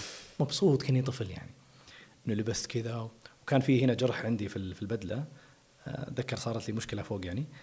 فقال فراح جاب لي جاب لي تيب ولزقها كان مبسوط مرة كان مبسوط مرة ألبس. فكنت أنا أحيانا كل فترة أطلع كذا البس ألبس نفس الملابس اوريه يقول لي إيش صار ما إيش صار. فهذا اللي حصل يعني بعد بعد الرحلة مع الوالد. واليوم يعرف أشخاص كثير متسلقين ويتابعني بشكل مرة ممتاز تحديدا في تويتر يعني. يحب يحب يشوف اللي أسويه. رجعت من القمة. قلت لي بعد القمة بتبلش أحلام. نعم. بيستريح المحارب أو لا مجال حتى للراحة؟ والله لازم يستريح. أنا كنت هذه الخطة عندي بس اللي صار إنه ما كان عندي وقت. بديت بعدها على طول كارير جديد. يعني أنت تعرف راجع من القمة و وبطل. يعني نوعا ما. أنا ما أحب الكلمة هذه بس نوعا ما ولكن ليش ما بتحب الكلمة؟ أنت رسمت صورة تانية للبطل ما رسمت البطل هو فقط البطل رسمت البطل اللي بيتعب البطل اللي بينكسر البطل اللي بينوجع البطل يلي حريص أنه يحقق حلمه ليش ما بتحب كلمة بطل؟ يعني أنا يمكن يمكن شوية تحفظي عليها لسبب أنه أنه هذا اللي يصنف بطل هو ما يرونه الناس لكن في خلفه قصة طويلة وفي ناس ساعدوه كثير ما يظهرون كأبطال حقيقيين هذا هذا تحفظي الوحيد نعم. يعني اليوم أنا مثلا صحيح ممكن أصنف بطل بس المساعد لي بطل الفريق الطبي اللي كان معي بطل الناس اللي كنت أكلمهم كل يوم بالليل أبطال اللي كنت ألجأ لهم في لحظات الضعف أبطال لمين كنت تلجأ؟ كنت ألجأ الاصدقاء والله يعني كنت أكلم كثير من الأصدقاء يعني كنت أتصل صديقي محمد الملحم كنت أتصل شو كنت تقول له؟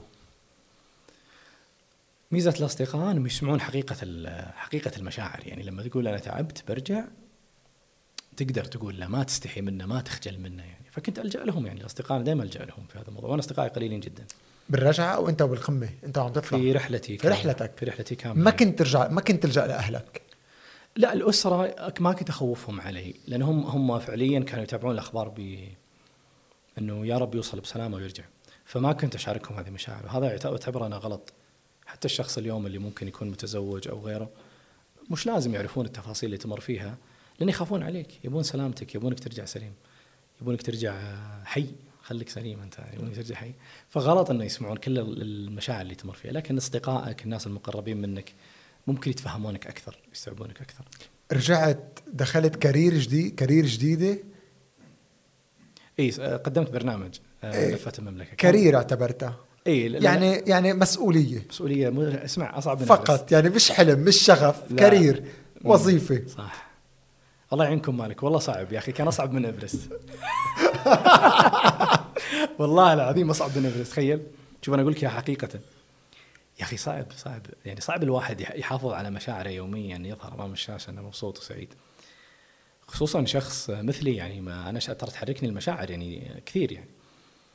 فما أقدر أكون طول الوقت فرحان يا أخي ما أقدر أكون طول الوقت مبسوط. يا أخي كوني يتقدم برنامج كان تجربة شاقة جدا بالنسبة لي. تصوير يومي لازم إذا الكاميرا صار اكشن تكون مبسوط يعني بغض النظر عن مشاعرك بغض النظر عن هل أنت مستلطف الناس ولا لا. فكانت شاقة جدا كانت شاقة جدا. لكنها الحمد لله إني اخترتها لأن عرفتني على المملكة. أف. عرفتني على الأرض. أنت لفيت العالم. إيه لفيت العالم ما كنت تعرف المملكة. ابدا ما كنت أعرف المملكة. عرفتني على المملكة عرفتني على الناس. بسيطة. القرى عرفتني على أصحاب المزارع.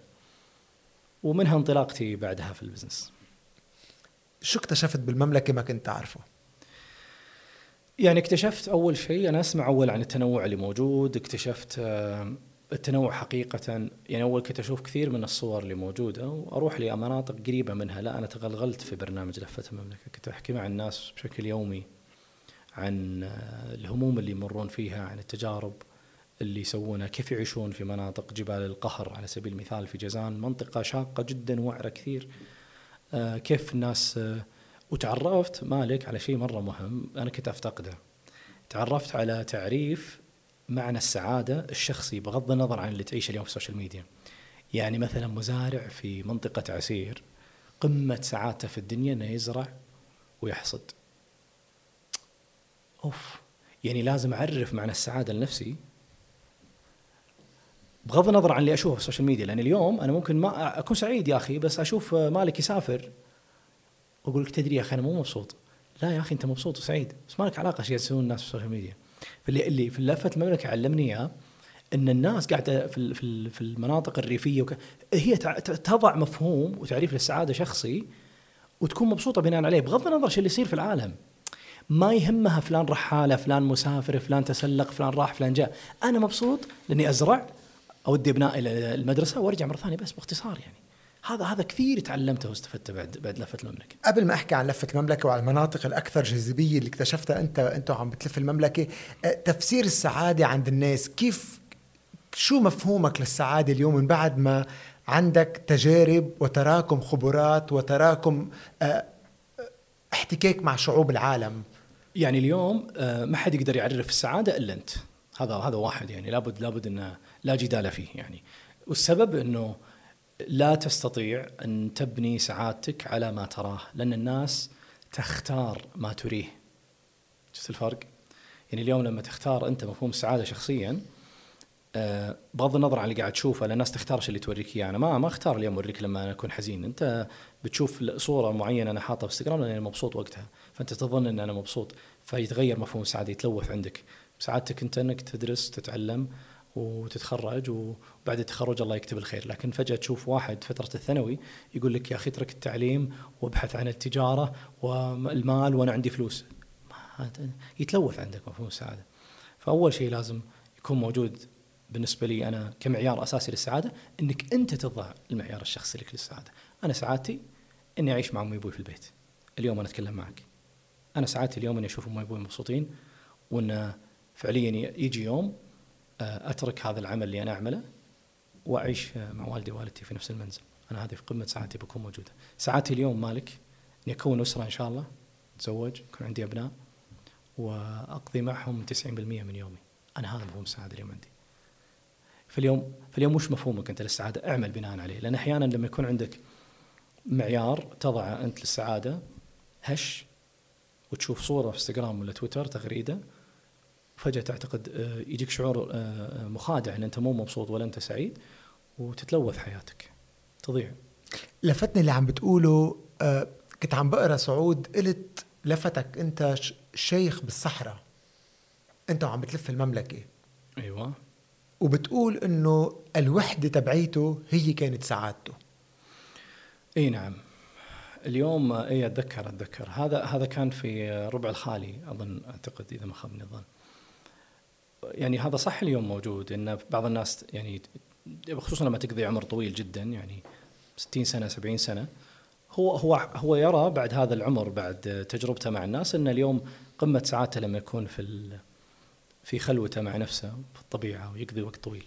لكن بلا شك إن الوحدة الدائمة ما هي صح يعني تفقدك دائما الاتصال مع الناس تسوي فجوة كبيرة بينك وبين الناس فكريا وحتى تصير ما تواكب لأن أنت اليوم تحتاج هذه المهارات للتواصل. وخاصة اليوم طلعت يعني آه، الوحدة هي وباء آه، وباء بالصحة بالصحة بابليك هيلث يعني صحيح. وباء آه، وبأثر على الصحة النفسية.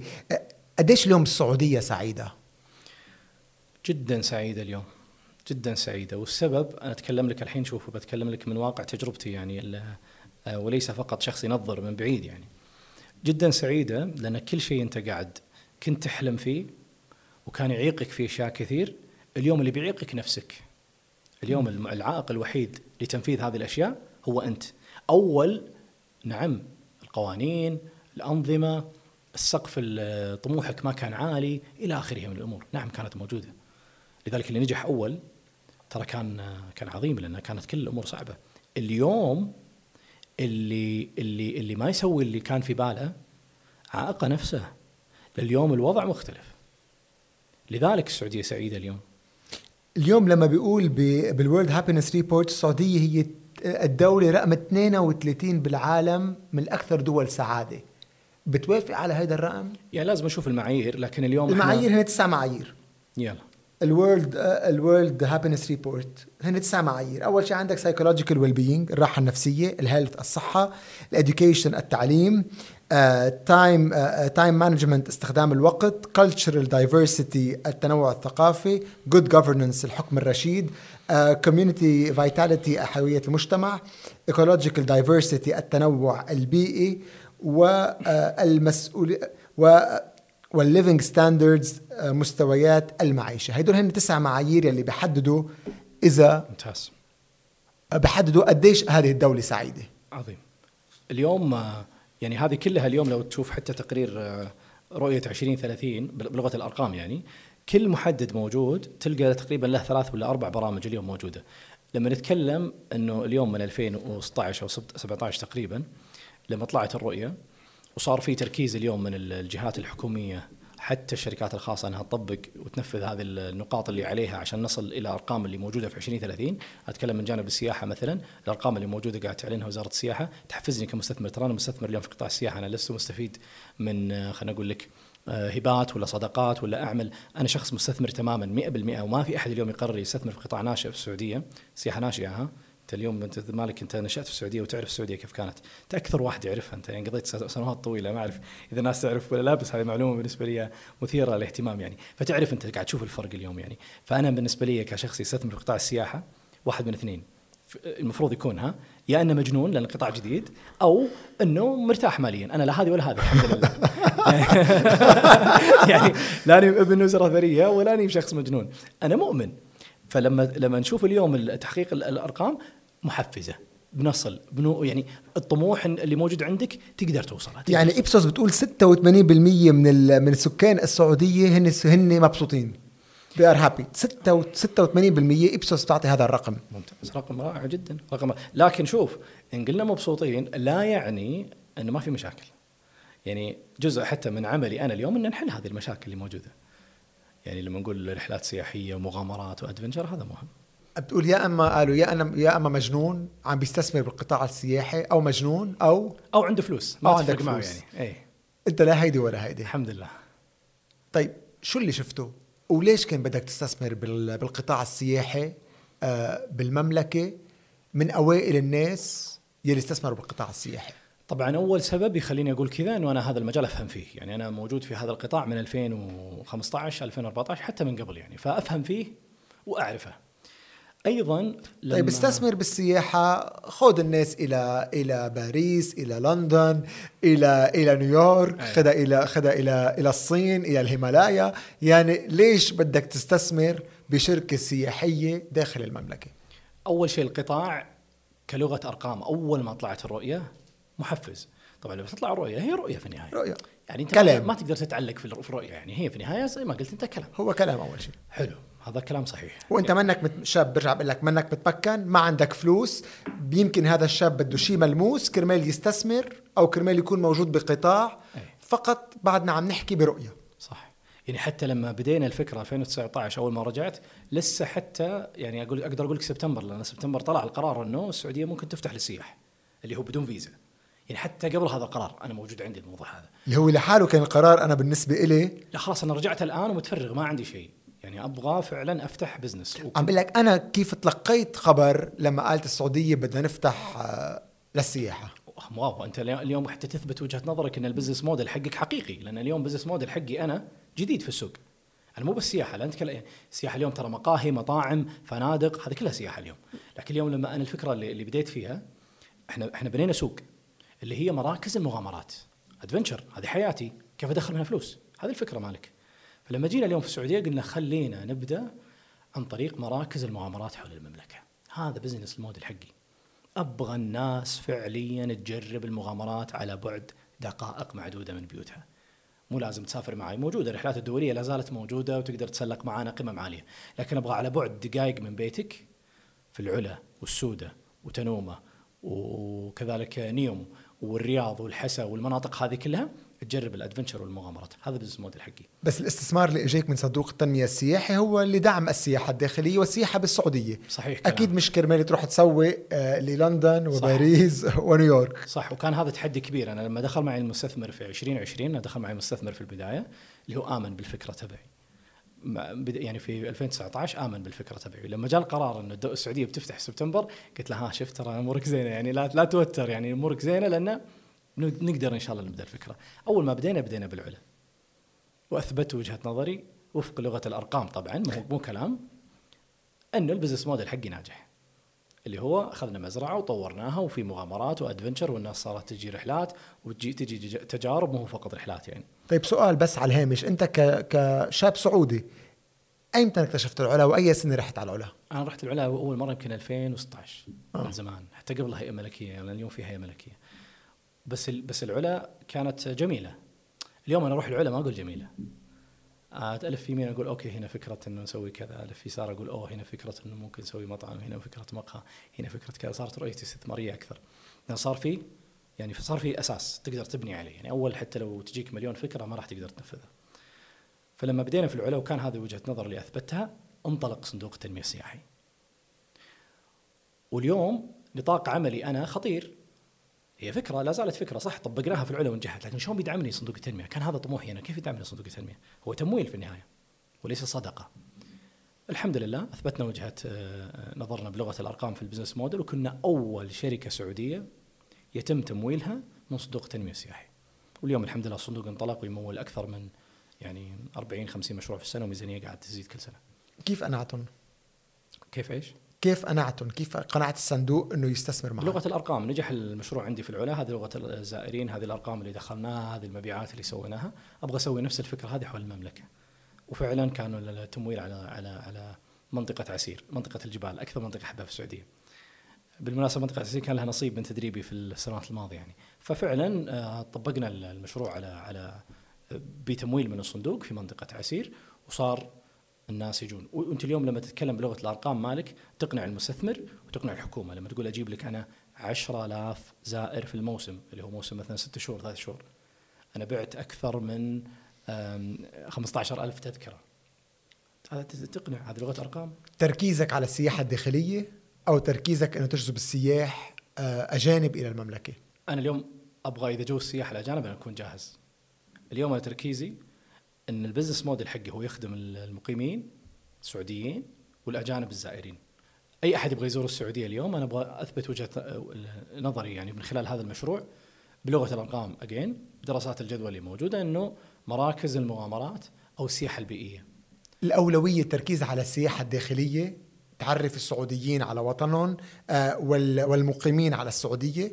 أو الهدف الأساسي جذب السائح العربي والأجنبي إلى إلى المملكة. هذا هذا sustainable business هذا هذا bus- هذا يعني نموذج عمل مستدام لما أتكلم عن السياحه الخارجية. لأن هذه السياحه الحقيقية كمستثمر. السعوديين والمقيمين هم هدف أساسي وهم اللي اليوم اللي نتكلم إحنا سنتين أو ثلاث سنوات تقريبا هم العميل الأساسي. لكن إحنا نخدم اليوم نخدم تقريبا 2000 موظف في شركة نيوم كلهم أجانب لكنهم موظفين آه فرق. فأنا أبغى أكون لما تفتح السياحة مالك أنا أكون جاهز. والحمد لله اليوم إحنا نحقق أرقام ممتازة في السوق مقارنة بالمنافسين وأيضا رقم صعب في السوق. جذب الأجانب أو أو داخليا عم تحكي؟ لا جذب الأجانب للحين للحين السعودية ناشئة فيها. الأرقام بسيطة جدا. يعني لما نحكي عن الزائرين للعلا الزائرين للرياض جده جده يمكن لنا سياحة دينية والمدينة منورة لكن إلى الآن المملكة في بدايات البدايات مالك لجذب السياح آه، من خارج المملكة لسه إحنا نتكلم عن بسم الله يعني لسه ما بدينا لكن مجرد ما المجال يكون مفتوح للكل يعني الخطوة الأولى اليوم تشجيع السياحة الداخلية والعمل على جذب السياح بأرقام نعم. أكبر نعم. وأكبر وصولا إلى رقم آه رقم يلي كان عم ب 100 مليون وصولا إلى رقم 100 مليون ب 20 30 صح. يعني اليوم الخطوة الأولى هو هو تشجيع السياحة الداخلية وصولا إلى رقم 100 مليون سائح ب 2030 نعم هذه وجهة نظر أو هذا هذا عمل الحكومة وليس المستثمرين. إحنا مستثمرين اليوم. إيه هيدي هيدي الرؤية. مو دوري أنا. طيب مو دورك. إيه. okay أنت صيفك جبل أو صيفك بحر؟ لا صيفي جبل أنا. جبل. توني جاي أنا حتى ما إذا الحين توني جاي من رحلة جبل. راح تروح بعيد أو لا تروح بعيد؟ الصيف الجاي هذا؟ لا هذا جبل طبعا. لا تروح بعيد؟ لا لا. باقي بالمملكة؟ يعني ما بين وبين. يعني لا تروحوا بعيد. لا لا تروحوا بعيد. إحنا دائما نقول لا تروحوا بعيد. خليكم موجودين. أنا افضل أصلا كورونا تعرف أفضل ارقام سويناها في كورونا. الناس موجودة قاعدة يعني. طيب لا للمقيمين والسعوديين لا تروح بعيد صيفك جبل صيفك بحر ممكن تقول لهم للأجانب. شو بدك تقول؟ ليش اليوم الأجنبي بده يجي يزور السعودية سياحيا؟ شو ليش ليش اليوم الأجنبي ما بيروح مثلا إلى لندن إلى إلى إلى نيويورك إلى باريس أو إلى المالديف؟ وليش بده يجي للسعوديه نفس الشيء لما نحكي عن مثلا المغرب نتكلم عن الجزائر نتكلم عن آه، يعني هذه هذه الدول العربية اللي تعتبر أيضا دول اقتصاديا ضعيفة لكن هذه موجود الناس ليش تروح لها؟ اليوم في فضول. أول شيء الفضول هو محرك الأساسي اليوم. السعودية مغلقة سنوات طويلة. ففي جزء لا يقل يعني رقم رقم هائل جدا عند الناس الفضول. ولكن الفضول ما بيعمل لك سياحة مستدامة. صحيح لكن الفضول هو الفخ اللي بيجيب الناس للسعودية اليوم اللي بيخليهم يشوفون الواقع. يعني اليوم إحنا متى نقول جاهزين؟ لسه منتجعات يعني تونا مشروع البحر الأحمر تو الحين أنجز مشروعين ثلاثة. نتكلم عن نيوم مش... نيوم تحتاج تقريبا يمكن سبع ثمان سنوات. نتكلم عن الرياض لسه في كم منتجع جديد جاي. سياحة حقيقية السعودية لسه كبنية تحتية قاعد تبني. ولكن اليوم وأنا أتكلم معاك يعني صرنا نشوف جون وسميث و وفلان وفلانة موجودين في يتمشون في الرياض. لو سمحت ممكن ألقى مطعم كذا. أو هذا موجود. التصادم المباشر بيننا إحنا كسعوديين وبين السائح الحقيقي قاعدين نحسه يوميا اليوم. موجود في الرياض موجود في جدة موجود في الشرقيه الكروز صار يجي. صار في هالتصادم هذا. أول ما كان فيه أول بينك وبين السائح مليون شركة سياحية. اليوم لا موجود.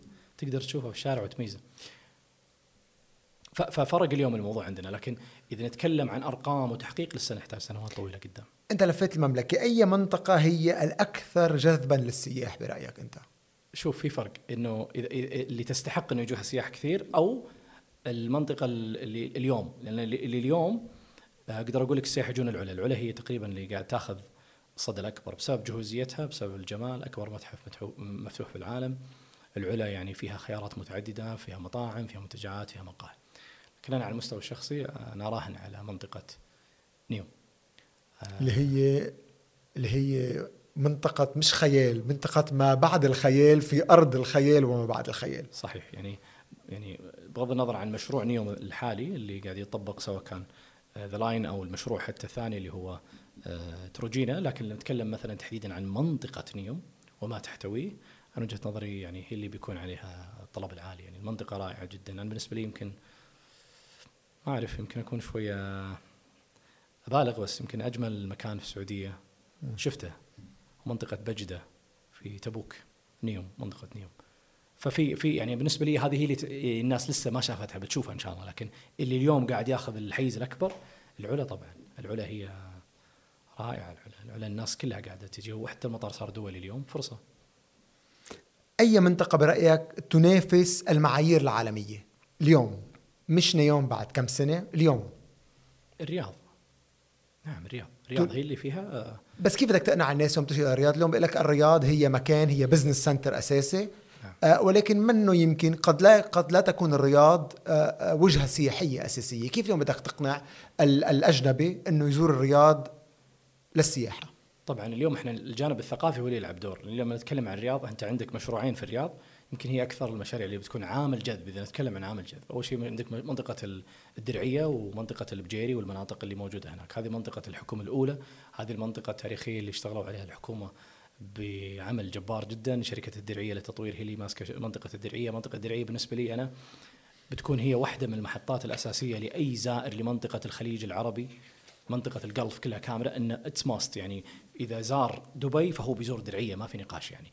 فبالنسبة لي عشان كذا أقول لك الرياض الرياض فيها هذا يعني هذه الأشياء الموجودة. أيضا جدة البلد لما نتكلم عن المنطقتين هذه لأنها جاهزة هذه من سنوات طويلة. منطقة جدة البلد بيكون مشروع جبار جدا وكبير. أما المنافسة الشرسة في المنطقة ترفيهيا من ناحية أيضا كذلك آه، السياحة اللي هي تبع سياحة الأدفنشر والمغامرات هذه موجودة منافسة شرسة جدا في المنطقة. عندك دبي عندك منطقة عندك قطر كذلك تنافس وعندك وعندك. لكن ليش أراهن على الرياض وجدة؟ لأن الأحداث اللي قاعد تصيفهم هذه المنطقتين مالك أحداث غالبا بتكون exclusive لمدة لمدة سنوات طويلة. تتكلم عن الملاكمة بطولة الملاكمة نتكلم عن الفورمولا نتكلم عن آه، آه، المواسم اللي تصير. هذه خاصة فيك. ما حد يقدر ينافسك فيها لذلك وفق الموجود وبعدين اليوم اللي اللي يزور الرياض جدة ما راح يكتفي فيهم يرجع لا بيزور العلا وبيزور آه، منطقة السودة بعد ما تجهز وبيزور منطقة نيوم فلذلك أنا أقول لك جدة والرياض لأن هي المكان اللي, اللي إذا زارهم السايح بلا شك إنه بيدور ويتعرف على المناطق الثانية، عشان كذا في استضافات للأحداث الكبيرة. لفيت المملكة، المدينة السعودية الأحب إلى قلب سعود. الخبر بدون شك. وهي المكان اللي يعني سأقضي فيه باقي عمري إن شاء الله بدون شك. القرية الأحب إلى قلبك. القرية الأحب إلى قلبي. القرية الأحب إلى قلبي. والله شوف القرى كثيرة لكن في قرية آه، إذا كان هذا المسمى صحيح اسمها شدى الأسفل في الباحة رائعة جدا منطقة جبلية ممكن تشوف منها واحد من أجمل الغروب في العالم يعني. الشاطئ الأحب. الشاطئ الأجمل شرمة في نيوم. من أجمل الشواطئ على مستوى العالم البحر الأحمر. العادات السعودية. كرم. اللي أكثر شيء بتحبه. كرم. أحب الكرم كثير أنا. الكرم اللي يتميز فيه رائع يا أخي مفخرة. يخلي الناس يتكلمون عنه كثير. الموسيقى. أنا أحب الموسيقى كلاسيكية. المهرجان السعودي الأكثر متعة. شتاء طنطورة, طنطورة في العلا. في العلا. نعم. أنا زرتها بال 2018 أوف أول واحد. أول شيء كنت موجود أنا. عجيب جيت؟ واو. كيف فرق معك؟ فعندي الصور بعد هون. نشوفها كانت أول مرة بنزل. كانت آه، وكنت تعرف شو أكثر نهار عيد ميلادي. كانت 28 ديسمبر. عجيب. تتذكر وين رحت؟ جبل الفيل المناطق كله كله زرناه كله زرناه. وكان بالنسبة لي أنا بعتبرت إنه أنا بعرف السعودية وبعرف كذا وأنا كذا بس علا لا ما كنت بعرف العلا. ففعلا لما وصلت إلى العلا شفت خيال. واللي عم شوفه أكثر عم تابع على مواقع التواصل على السوشيال ميديا هذا التطور الكبير والسريع على على على الصعيد السياحي والبنى التحتية بالعلا. أنا برأيي أكيد لما أرجع أروح راح أشوف شيء ثاني هذا التغير السريع هو اللي قاعد يلفت الناس للمملكة يعني. كثير قاعد تغير يعني. تطلع شهر شهرين ترجع قاعد تشوف أشياء كثير جديدة. إذا بدك تقنع السائح يجي إلى السعودية شو بتقول له؟ أقول له إحنا نراهن على تجربة ثقافية مع الشعب ستكون مختلفة تماما. و لأن السائح اليوم يبحث عن شيء مختلف. تبغى منتجعات تبغى تبغى راح تجي. لكن إذا تبحث عنها اليوم روح دورها في العالم كله. شو اللي بيخليك تجي؟ السعودية شعب. الشعب هو اللي اراهن عليه اليوم. اللي يبغى يشوف تجربة مع شعب مختلف. يمكن من المطار للمطار ما يدفع ولا ريال. هذه موجودة يعني. بينبسط كثير وبيستمتع كثير. ورد الطائف شو بيعني لك؟ أنا الطائف بالنسبة لي آه، أنهى أنهى الحرب الأهلية في لبنان. صح. بالاجتماع المشهور. ورد طايف لبنان. غابات الباحة. غابات الباحة. تعني لي آه، تعني لي كثير. بالنهاية رغدان أقدر أسميها رغدان. أي رغدان. جازان. جازان آه، الشعب ثقافة الشعر. أبها. أبها الجبل. الجبل. كورنيش جدة. البساطة. قلعة الدرعية. المؤسس. خيول تبوك. منطقة الزيتة في تبوك. من أجمل المناطق اللي ممكن تزورها. بأي معنى أجمل؟ يا أخي أنت لفيت العالم. سعود لفيت العالم. لفيت العالم شفت كل شيء. وبعدك بتقلي الأجمل شو هو؟ شو معيار الأجمل اليوم؟ شوف مالك أنا أحب الانبساط في النظر. يعني الانبساط في النظر هذا تفتقده في المدينة يعني تفتقده جدا في المدينة لأنك ما تشوف. يا أخي ت- ما تعرف الاتجاهات الأربعة في المدينة تخيل. يعني لما أقول لك شمال شرق جنوب صعب إنك تعرف وأنت في المدينة يعني. ليه؟ لأنه يحدك من أربع جهات بنيان. فلما نقول تبوك منطقة تبوك تحديدا أول شيء هي المنطقة الأبرد في المملكة في الصيف. في عز الصيف هي أبرد منطقة في المملكة. أيضا السبب الثاني إنه هذه المنطقة فيها مساحات تمد فيها النظر بشكل عجيب. وتشوف سلسلة جبال غير منتهية وتشوف أرض آه، ترابية بلون أقرب إلى إلى الأحمر الغامق الداكن.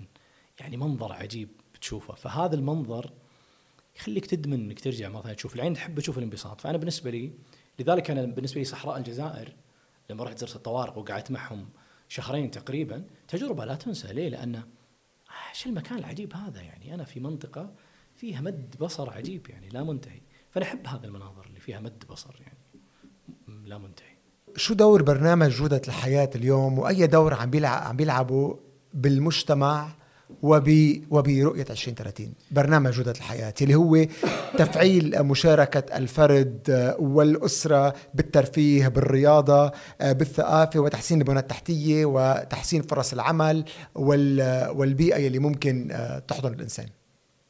جميل. هو برنامج جودة الحياة يعني ال- الهدف منه إنه هو زي المراقب للجهات اللي موجودة في المملكة لأنها تحقق المعايير حتى نصل إلى إلى الأرقام المطلوبة في 2030 يعني اليوم أنا في برنامج جودة الحياة مثلا عندهم واحد من ال- الأهداف الموجودة تفعيل الأندية المجتمعية.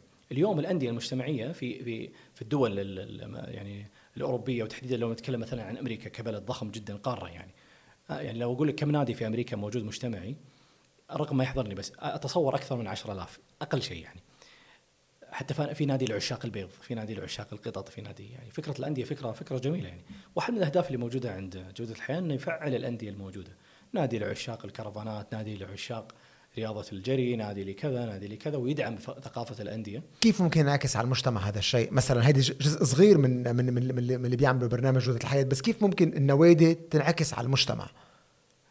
مالك جزء كبير من التفريغ الخاطئ للمشاعر وال وال والمهارات اللي موجودة عند الإنسان التفريغ الخاطئ لها في طريق غلط إنه ما عنده أماكن تفريغ. اليوم إحنا ترى سنوات في السعودية كنا نعاني من التفريغ الخاطئ سواء كان أقدر أقول لك تفحيط ولا أي شيء غلط. لأن ما أنت وين تعبر عن نفسك؟ ما هي الجهة أو ما هي الحاضنة لك إنك تقول أنا موجود. إن أنا موجود هذا اسمي هذه فكرتي هذا عقلي هذا هذا هذا نتاج فكري. ما في. فالأندية جدا صحية. يعني أنت اليوم من خلال نادي تقدر تصير رئيس نادي نائب رئيس نادي عضو تعبر عن نفسك تصوت في النادي وتحقق الفكرة حقتك. هذا ترى أقدر أقول لك إذا ما كان هو الهدف الأسمى فالأهداف الثانية كلها يعني تعتبر ثانوية. تحتاج أنت كشخص هنا في المملكة أنك تعبر عن نفسك أنك موجود وأن هذه فكرتك من خلال الأندية اللي موجودة. إيش إيش هوايتك؟ هذا النادي. تقدر تأسس نادي وتقدر تعبر من خلاله. بالختام سعود قمة الإيفرست مرة ثانية أو لا؟ القمة مرة واحدة بس. القمة مرة ثانية وثالثة لكن أنا بقول لك شيء. أو بقول لك القمة ما هي النهاية. القمة هي البداية. يعني القمة هي الولادة من جديد وليست نهاية الأشياء. يوم لما رحت وجيت ولا زلت أطلع قمم هذا هذا الشيء اللي أنا دائما أحسه بعد ما أرجع هو اللي أبغى أبغى الناس تحس فيه. عشان كذا سوينا بانجي اليوم. أبغى الناس تجرب هذا الشعور. القمة عمرها ما كانت هي نهايه القمة هي بدايتك الجديدة اللي من خلالها تحاسب نفسك تقدر النعم الموجوده تنطلق بمشروعك تصير مسؤول تنفذ تتحمل النتيجة. شو اللي لازم جربه قبل ما ارجع إلى بيروت؟ أول شيء الحمد لله على سلامتك الرياض و ويلكم باك هاي ديرتك يعني مالك. ديرتك نشأت فيها وأنت أحد أبنائها يعني الأبرار جدا يعني. وأنا مبسوط إنك أنت أعدت هذا البرنامج في الرياض لأن فعلا هذا وفاء منك تقدير لهذه المدينة العظيمة. ولكن إذا إذا تبغى تجرب شيء قبل لا ترجع جرب جرب تطلع مع الشباب والبنات اللي موجودين في آه، منطقة الدرعية ويمارسون الرياضات يوميا صباحا. تجربة بتكون مختلفة بتشوف الرياض بشكل جديد مختلف. يعني لن تتصور الرياض اليوم هي اللي شفتها. لما تمشي في الدرعية وتشوف الشباب العوائل والنساء الكل يمارس الرياضة تنذهل يعني إن هذه الرياضة اليوم اللي اللي نعيشها. مجتمع حيوي شاب يحب الحياة يحب التعارف. الرياض ظلت عصية سنوات. ناس تجي تعمل فقط وتمشي. اليوم لا. الرياض تتيح لك فرصة للتعرف على الناس مشاركة الأفكار. جربها. إن شاء الله أنك قبل لا ترجع الرياض أنت رحت طريف والدرعية وشفت الشباب والبنات هناك شو يسوون يعني. فعلا يعني فعلا الرياض تغيرت. فعلا اليوم آه، الرياض اللي عم شوفها آه، مش هي الرياض اللي كنت اللي تركتها بال 96 ولكن الأمان اللي بشعر فيه بهذه المدينة ما بشعر فيه بمكان تاني. آه، فعلا برغم برغم التطور والتغير والإنجازات الكبيرة اللي عم بتصير بهذه المدينة آه، وهالقد عم تكبر الرياض ما بعرف ليش عندي شعور غريب بالأمان في هذه المدينة تحديدا. ف من قلب قلب مالك مكتبي تحية للرياض آه، ومن أرض المجد والعلياء أحكي مالك يا مملكة. يا سلام. شكرا. شكرا مالك